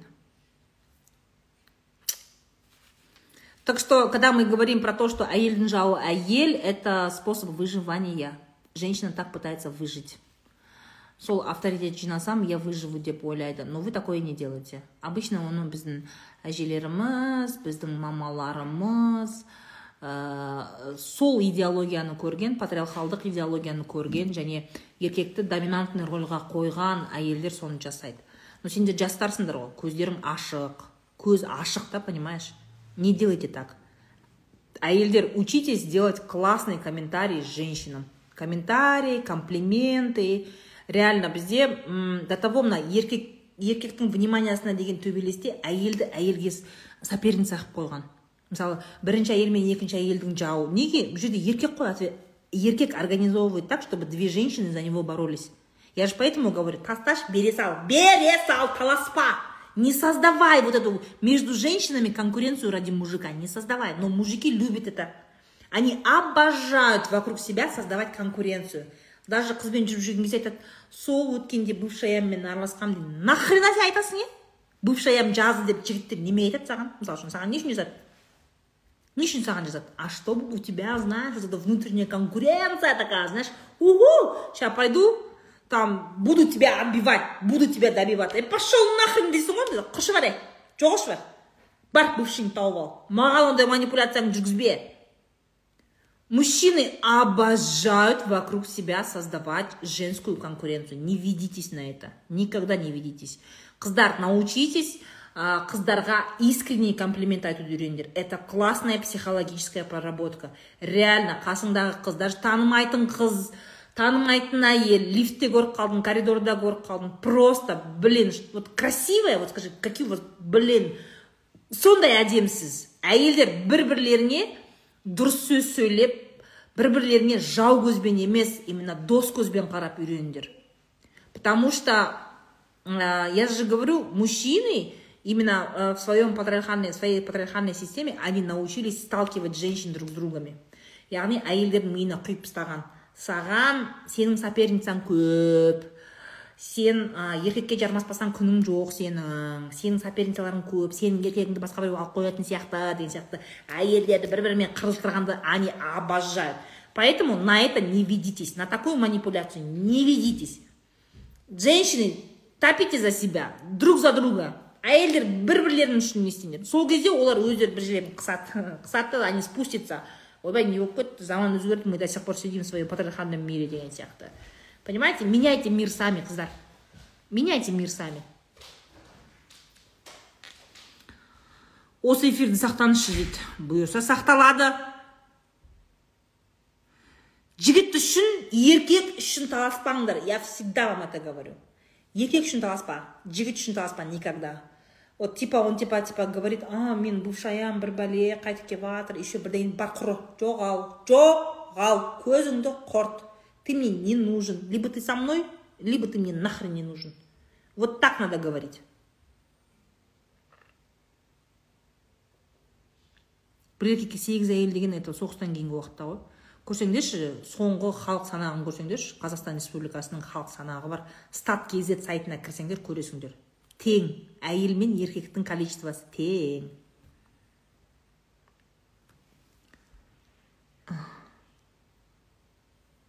Надо говорить комплименты женщинам. Какие они молодцы. Женщины молодцы. Әйел физически очень выносливый. Любой әйел екі жұмыс істейді. Жұмысқа барып келеді, үйге келіп екіншісімен жасайды, үйдің жұмысын жасайды. Средний вот ә, исследование жасаған екен кім әйгерім құсайынқызы осы алматы және Алма, алматыны не істеген ғой есептеген ғой. Күніне төрт сағат кетеді екен әйелде бытовой жұмысты істеу үшін средний төрт сағат кетеді. Ол ол сенің жұмысыңның төрт сағат он жеті минут. Сол сенің төрт сағат он жеті минутыңды кім бағалап жатыр кім саған рахмет айтып жатыр? Почему на женщин смотрят как на расходный материал? Не знаю обслуживающая обслуживающая сила охренели что ли? Идите нахрен. Идите нахрен. Женщина не обслуживающий персонал. Өздеріңнің қотыларыңды өздерің қасып алыңдар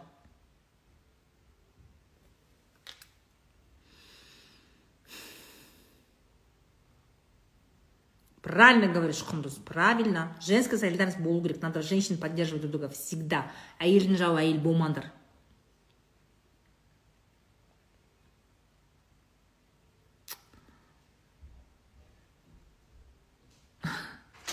Тут вообще такие классные девчонки собрались. Лаура Леспек. Или она уже вышла. Лаура, ты вышла или здесь? құндыз сидит құндыз подай этот э, на эфир заявку семейный совет жасадың ба құндыз қалай болды э, лаура лиспек подключайся на эфир если ты еще здесь э, құндыз оспан подключайся отправляйте заявку давайте этот жиналып алып әйелдер өзіміз тәпет етейік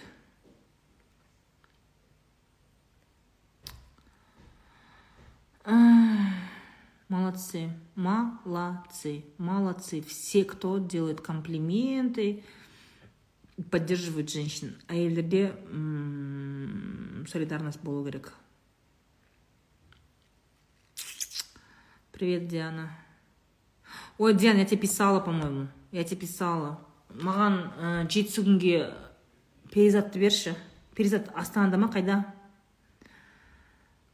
перизат жіберші маған жетісіне она мне нужна на полдня каждый раз тема бомба ғой бомба темалар көп қой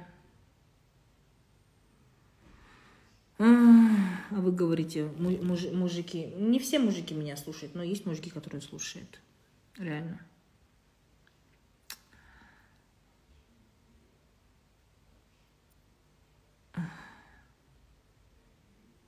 сіздің арқаңызда күйеуіме уверенно сөйлеуді үйрендім молодец как подать так прикрепить модератор выйти в прямую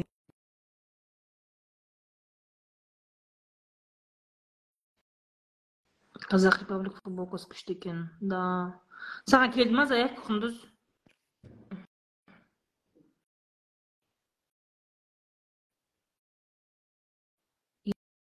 Енем баласын қызғанады дейді. Бар маманың қасына барып жат деймін дейді. Барсын. О привет. Да, привет. привет. Я не планировала но увидела такой классный эфир. Ой блин жыртылып жатыр ғой мына жерде өліп да я прям заслушалась. Өте актуальная тема. Да қыздар аудитория в твиттерде бар ғой познакомьтесь это моя подруга кундуз оспан она профессиональный юрист по разным процессам. Самый большой процесс наверное у тебя самый большой это бракоразводный или разные у тебя? Разные конечно просто это такой очень частый вопрос бракоразводный семейное право дейді а. ну туда относятся не только вот вопросы по очень часто задают по алиментам по бракоразводному процессу раздел имущества определение места жительства детей у конкреда, потому mm-hmm. что споры за детей же тоже возникают. Очень много а, браков а, люд, людей, которые разводятся, имея несовершеннолетних детей до 18 да. лет. Да, вот. да, да. сол несовершеннолетний балалармен ажырасқан кезде какие проблемы могут возникнуть баладан сұрай ма кіммен қаласың деп ой проблем здесь очень много ең бастысы он жасқа дейін бала болса он мнениесін сұрамайды мен араластырып сөйлеймін иә вот мнениесін сұрамайды суд проходит вообще без участия ребенка у нас э, в большинстве случаев где то больше девяносто процентов детей до десяти лет оставляют с матерью поэтому қорықпасын если ажырасамын десең ажырасамын десең балаларды алып қоямын деген манипуляция жасайды ғой иә это көбіне әйелмен қалады иә бізде заң бойынша это просто угрозы на самом деле әйелмен қалады где то тоқсан пайыздан көп э, балаларды енді бәр э, случай неде болды ондай практикада когда әкесімен қалдыратын кезде он жасқа толмаған баланы оның ойын сұрамай ә, мамасымен емес әкесімен қалдырған но это такие редкие случаи когда допустим психологическое обследование жасайды ғой сотта қайсы қайсы родительмен балаға более комфортно жить общаться если психолог определит өзінің заключениесінде что ребенку допустим лучше с отцом то әкесімен қалдырады сот сол психологическое обследованияға өте маңызды қарайды поэтому балаларыңды жаңағы өздерін ұрыспасаңдар ұрыспағанда енді бәрі ұрысады ғой балаларына иә ұрыспайтын ата ана ата ана жоқ шығар а, самое главное чтобы была такая комфортная психологическая обстановка в семье а то мен естіп жатамын қазір видеоға бәрі түсіп жатады ғой эфирге кетеді ғой бәрі мысалы там көршілер түсіріп алады тағы да біреулер балаларын прям кәдімгідей таяқ жеп жатады ғой иә вот сондай әке шешелерден мысалы мен қорқамын потому что ертең разводтың кезінде точно екінші әке ата жаңағы несі или әкесі или шешесі соны может использовать как доказательство против этого же родителя и забрать ребенка А что понимается под определением места жительства ребенка? Это не э, многие қорқады да ойлайды ой ертең сот шешімі шығады мен менен баланы алып кетеді мен баламды көре алмаймын это все неправда а, екі ата анасында да ә, тең құқығы, құқығы бар правасы бар да баламен общать етуге Поэтому определение места жительства детей это просто с кем в основном будет проживать. Допустим, аптасында жеті күн бар ғой сол жеті күннің мысалы бес күнінде бала оқиды садикке барады иә. Сол бес күнде кіммен тұрады деген мәселе ғой. А қалған екі күн аптаның мысалы суббота воскресеньясында ол екінші ата анасымен будет продолжать общаться. Алып кетеді өзімен бірге қондыруға болады мысалы отпускіге бір жаққа алып кетуге болады шетелге болса да алып кетуге болады. То есть это не лишение родительских прав. Да. Мысалы құндыз мындай ажырасуда тағы проблема ең үлкен проблемалардың бірі осы жерде әйелдер де бағана айтып жатыр. Алимент алимент мәселесі өте аз төлейді. Алимент төлеуден қашады өзінің доходын жасырады.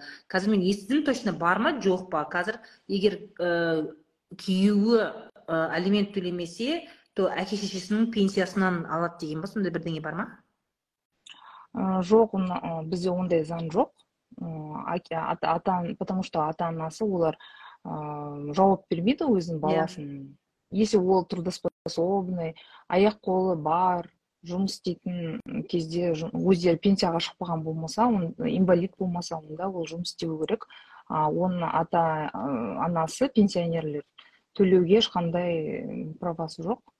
Ну обязан мысалы алимент аз төлесе оны өндіріп алу көптеп көптеу алу ол сотқа берсең мысалы бывает же да человек абсолютно классно обеспеченный он зарабатывает классные деньги но алады да доходын бір ип ма бірдеңеден көрсетеді да минимальный заработной платадан алимент төлейтіндер бар. Сондай жағдайда не істеуге болады әйелге?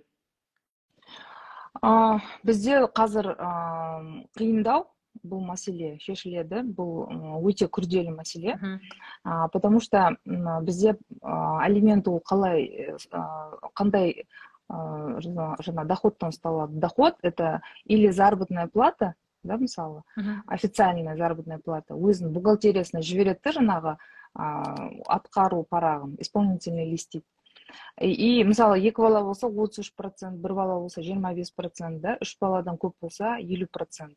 Зарплатасынан ұстап тұрады ай сайын болса ше алты бала болса да сол елу проценттен аспау керек ойласаң айлығы айлығы жүз елу мың теңге болса алты балаға жетпіс бес мың теңге бере ма? Иә алты балаға жетпіс бес мың теңге береді. Базар. Жоқ потому что енді анау ер кісі өзі бірдеңеге тұру керек қой енді. Өмір сүру керек қой. Ол ақшасын бәрін беріп қойып отыра алмайды ғой. Өзі сол, сол себепті, себептен солай жасаған ғой заң бойынша. И мысалы ол ип болса ип болса ол қиындау болады. Ол мысалы ип қандай ә, доходын ол көрсете ма көрсетпей ма? Мысалы ол тек мысалы ай сайын жаңа екі жүз мың теңге алатын доход сияқты көрсетіп тұрса декларациясына байланысты ол налоговый. Қандай налог төлейді соны то есть официально қай жерден өтеді налоговыйдан соны судебный исполнитель ә, запрос жасайды да көріп отырады. Қандай налог төлеген сол налог арқылы оның доходын определяет и сол доходтан алимент ұстайды.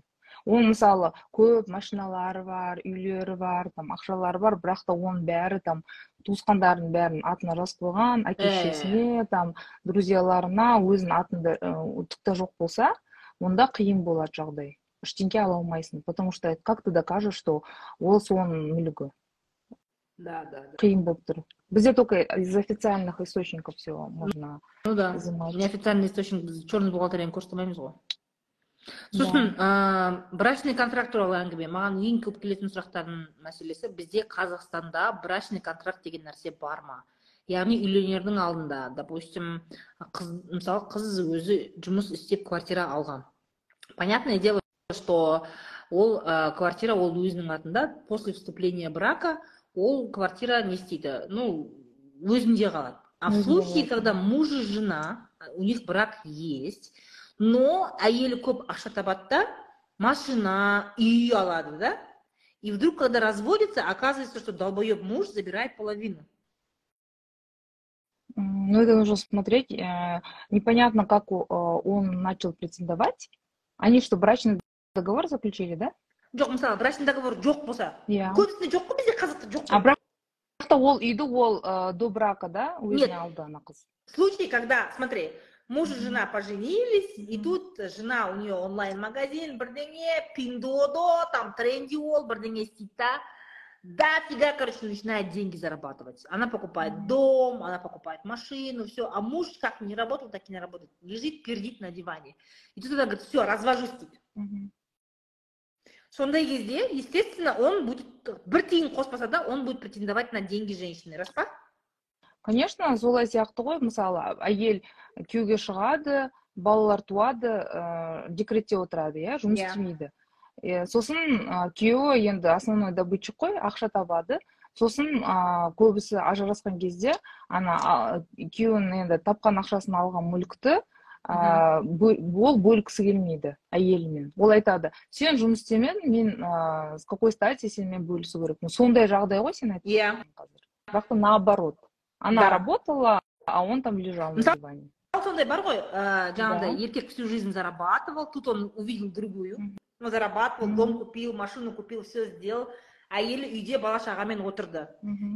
И тут он влюбился короче. влюбился все махаббат не могу решил разводиться с женой жена говорит все половину забираем да ондайлар көп и әйел айтады мен жартысын аламын деген кезде ол бермей жаңағы дүниені тығады өйтеді бүйтеді енді бұл жерде қара бұл жерде отбасыда именно когда мужчина зарабатывает и хочет разводиться әйеліне дым бермей бұл жерде енді әйел бала шағамен үйде отыр ғой баланы туып жатыр қарап жатыр быт все обеспечивает хорошо напрямую ақша табуға бармайды но обеспечивает сидит короче дома мужа все тыл обеспечивает ал қазір бізде жұмыс істеп жүрген кәсіпкер әйелдерде проблема в чем күйеуі ни хрена не делает же он же лежит на диване она и детей таскает нянькаға ақша береді өйтеді бәрін өстеді да күйеуі просто декорация Тумайды иә декретте де отырмайды иә да? Просто қарамайды там ну понятное дело паразит. вот есть такие мужики сондай кезде женщина например хочет разводиться. Еркек сол кезде дүниенің жартысын мен аламын десе не істей алады ол тіпті істей алмайды өйткені ақша кірді ма үйге? Болды. Ол общее имущество болып саналады. Бөліске түседі поэтому я всем советую брать может отсудить эти половину да даже если он конечно да конечно здесь никто суд не будет да суд не будет вникать кім тапты оны қандай чек қандай чек алып келсең не алып келсең да ол ақша ол во время брака табылған ақша ма болды бітті бөліске түседі так что ұлық болмаңдар иә если ақша табатын болсаңдар көрін басынан көрініп тұрады ғой что еркек ана ақша табатын адам емес енді ақша табатын брачный договор заключать ету керек брачный договор заключается и во время брака тоже конечно хоть елу жыл уже бірге тұрып жатқан кемпір шал болса да они могут заключить брачный договор где вот говорит например жиырма жиырма үшінші жылдың бірінші сентябрьден бастап ә, менің атымнан кірген ақшаның бәрі менікі деген дұрыс па конечно солай брачный договорда айтады все все что куплено женой на ее деньги на ее имя все является ее собственностью но это можно и задним числом сделать. Например, муж и жена, они поженились, допустим, в 2018 году, а брачный договор делают, типа, не в 2018 году, получается? Можно. Можно. Но... Самое главное, это же согласие. 18... Да, да, да. Самое главное согласие. Просто этот мужик может не дать согласие на такие условия. Он потому что понимает, что ертең мына брачный договорды сондай условиямен жасап қойса тымсыз қалатын қиналады сондай и так он паразит да? А былай еще имущество түпсіз қалайын деп отырса олар жыбырлау жыбырлау бастайды олар поэтому а, они начинают э, советоваться у юристов.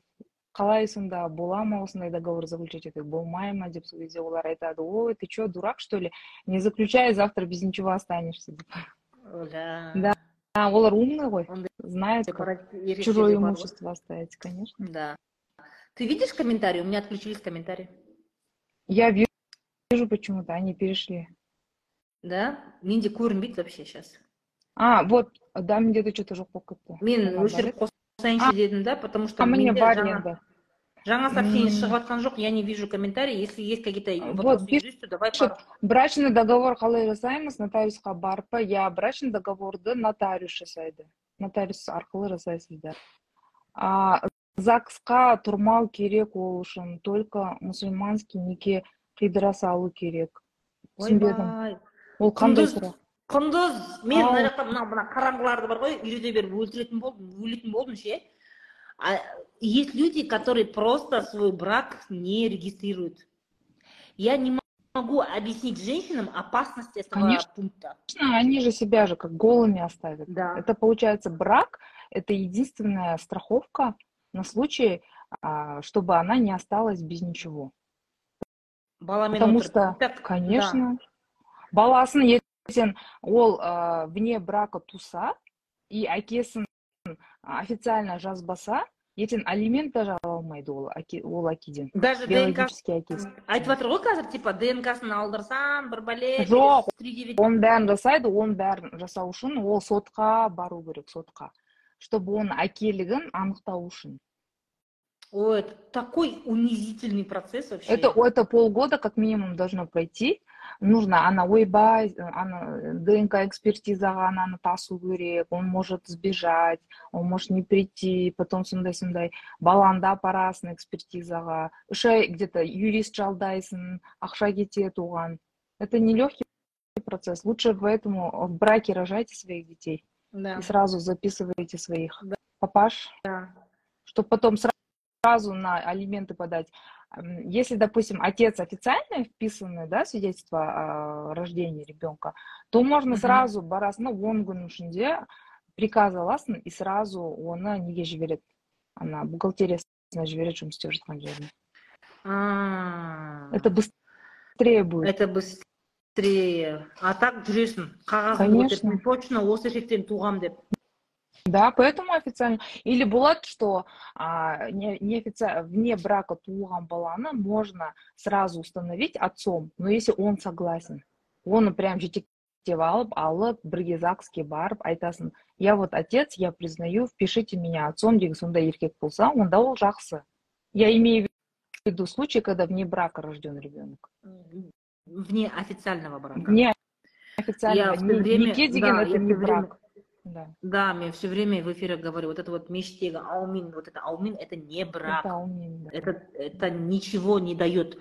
Мемлекеттің алдында ол сені никогда ешқандай бір определенный экономический қиындықта юридический қиындықта сені қорғамайды это просто ничего это просто аумин қағаз это не официальный документ конечно никак не могу объяснить айтып у нас светское у нас светское государство это означает что у нас не религия является источником права да? То есть yeah. мы подчиняемся закону. Закон является нашим источником. Сосын мен тағы да эфирде айтатын нәрсе никогда еш жерде открыто не говорите о том что вот есть религиозные правила они выше казахстанских законов деп айтуға болмайды потому что ол нәрсе егер сол нәрсені ашық айтатын болса бұл сепаратистік ә, мемлекетке қарсы заявление болып есептелінеді. Никогда нигде такие комментарии не пишите не говорите. Бір күн болмаса бір күн осындай сообщение бір не знаю кмб ма біреудің көзіне түсетін болса быттарын шығарады. Потому что нельзя. Біз правовое государство ә, бізде основной біз мына мысалы адвокаттар юристтар бұлар немен жұмыс істейді? Олар шариғатпен жұмыс істемейді ғой олар заңмен жұмыс істейді главенствующий главенствующие правила это законы республики казахстан. Нигде никогда айтуға болмайды. Иә жаңағыдай біздің діннің ә, шариғи заңдар ә, мемлекеттік заңнан жоғары. Это важнее деп айтуға болмайды. Олай ой, даже ойлауға да болмайды. Это считается сепаратизмом сепаратизм. Ертең заң күшейетін болса за такие высказывания попадется вам. Бастарың кетеді. Бастарың кетеді. Еще мен айтайын дегенім көп комментарийларды көремін. И маған тоже обращаются адамдар иә. Осындай ә, комментарийға түседі да бір бірлерінің ойлары қиылысып қалады да. И өзін сол правотасын өзін доказывать ету үшін ыыы жаңағы біреуді оскорблять етіп жатады боғауыз айтып жазып жатады біреулер анауын мынауын деп иә. Сосын маған соны жібереді да айтады маған маған заявление жазды ол қылмыстық іске жата ма жатпай ма? деп. мен айтайын дегенім сіз сендер оны білмесеңдер бір ақпаратты иә ешқашан ешкімге не распространяйте көбісі мысалы бір адамды тауып алады да біреу жазады это мошенник прошу репост деп жазады жазып жатады ғой мысалы а сен білмейсің ол мошенник па мошенник емес па yeah. Иә. ол ондай мошенником когда человек считается когда он приговорен судом yeah. да вот yeah. есть приговор суда а, где он признан мошенником, да. И этот приговор вступил в законную силу. Вот если сен ол ақпаратты айтсаң сондай ә, мәлімет болса сенде онда ол это считается достоверной информацией. Это не будет распространением какой то ложной информации да. А если сен білмей жатырып ойбай біреу мошенник деп айтты деп бір сен бір соседкаң знакомыйың да на кого то подписана сол ақпаратты не распространяйте просто так. Даже за репост есть ответственность. Да қазір кстати в социальных сетях абайлаңдар жаңағыдай сөздер жаңағыдай әңгімелер біреу туралы ә, дұрыс емес сөйлеу. Сейчас запросто запросто. Э, сегодня же президент говорил будем усилять искусственный интеллект. Если они это внедрят именно в социальные сети где будут ловить такие высказывания это а там же алгоритмы же вообще. Да. они просто какие-то слова ключевые вводят и все таким образом ловят. Даже не надо там человеку сидеть чтобы это все анализировать и вообще да. следите за своими словами, не материте никого, не оскорбляйте. Там көбісі ойбай, ты такая проститутка, ты такая бірдеңке деп. Я, я вообще такая поражаюсь людям, как они могут, да, бір бірлерін танымайтын адамға. И вы знаете, да, что ваши вот эти IP-адреса, все они отслеживаются. Да, да, и им все приписано бәрібір.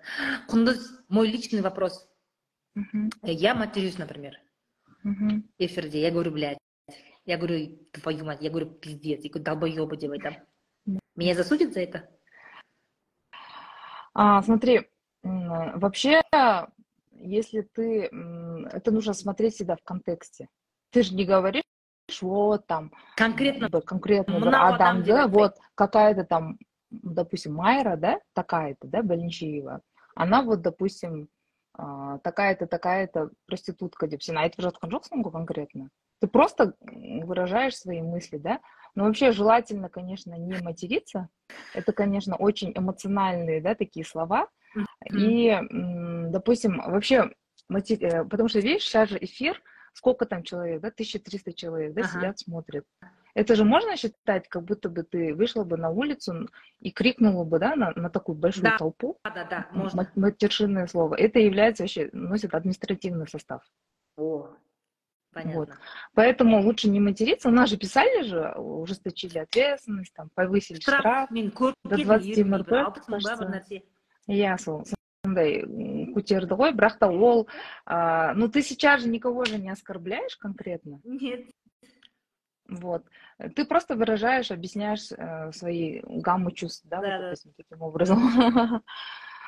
Ну, это вообще а, обычно эта статья касается именно когда идет э, нарушение общественных устоев, порядка, вот, допустим, ішіп алған адам далаға шығып түн ортасында айқайлап жатады ғой бәрін боқтап ұйықтатпай вот сондай кезге ғой или балалар ойнап жатады анау кісі шығып алып бәленше бәленше деп жаңағы боқтап жатқан ну, вроде бы общественный порядок я не нарушаю человек имеет право включаться в прямой эфир или не включаться смотреть мой контент или нет а в части оскорбления даже если до суда дойдет ну во-первых ты будешь моим адвокатом біріншіден екіншіден будем э, смотреть в контексте кого ты обидела такими словами ты же конкретно никому же не направляла свои слова это не является оскорблением если ты кого-то допустим не послала конкретно ну, ты меня успокоила. Да. Э, есть тендерма?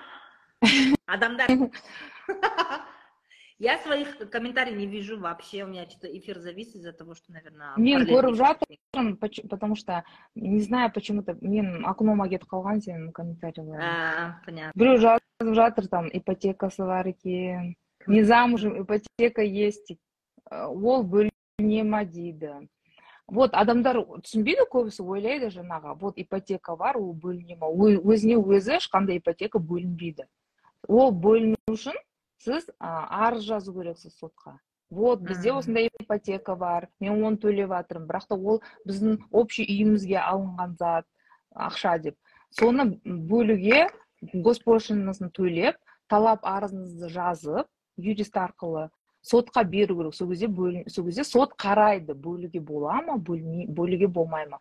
Банкті шақырады банктің ойын сұрайды потому что банку может быть невыгодно. Да, что заемщик была такая-то Больничеева, у которой зарплата там, допустим, большая, да, и какой-то у нее безработный муж. С какой стати банк будет делить долг а, на, от нормального заемщика на какого-то неплатежеспособного заемщика? Да. Поэтому это очень сложный процесс. Если они оба работают, оба они обеспеченные, состоятельные люди, да, вопрос по-другому. Банк может прийти и сказать, да, я согласен, пусть делится, да, мысалы. И э, там много факторов. И еще нужно смотреть, действительно, ол ипотекаға алынған зат ол общее имуществоға э, жұмсалды ма или жоқ мысалы личный бір өзі бизнесіне бір иә оның бәріне қарау керек тоже иногда же бывает такое мысалы да қыз қыз күйеуге тиердің алдында екі жыл бұрын мысалы үшін он бес жылға ипотека алды дейік. И сөйтеді да ол тұрмысқа шығады. Сөйтеді да екеуі үйленгеннен кейін ол үйдің ақшасын екеуі бірге төлей бастайды. И все равно квартира будет қыздікі да? А, квартира будет қыздікі но жена күйеуі который сол ипотеканы төлеген может потом подать на жаңағы не на раздел это, этой квартиры да а, на, а на возврат денег которые он потратил на погашение этого кредита естіңдер ма жігіттер қыздар ақшаларыңды квитанцияларын жинаңдар иә квитанцияларын жинап жүріңдер төлеген ақшаларыңды қазір бірақ каспи маспи а каспи маспилар бар ғой андай да да да запрос жасайды да да да да да сол спасибо кундуз за классный эфир за классные ответы. Все я уже второй час сижу завершаю эфир. Всем спасибо. А, спас... напишите спасибо кундузга я не вижу они тебе пишут а да они там пишут. Там очень много вопросов задают почему-то а, по юридической части құндыз менің юристіме иә енді қазір не будем да отвечать эфир заканчивается нет я все я я выхожу құндызға жазылыңдар сұрақтары барлар құндызға жазылыңдар можете ей писать ол аптасына бір рет екі рет оставляет вопросник соның ішіне жазсаңдар по мере возможности отвечает. Ты в эфир не выходишь, да, Кундуз? Или выходишь? Мне, наверное, надо в эфир выйти. Что-то очень выходить. много вопросов. Да, быстро переходите к страницасына, а, кому нужна юридическая консультация, она вам ответит. Все. Всем пока. Всем до свидания. До следующих эфиров. Пока, Хунза Рахмет. Да, пока. Классный эфир был. Да. Пока.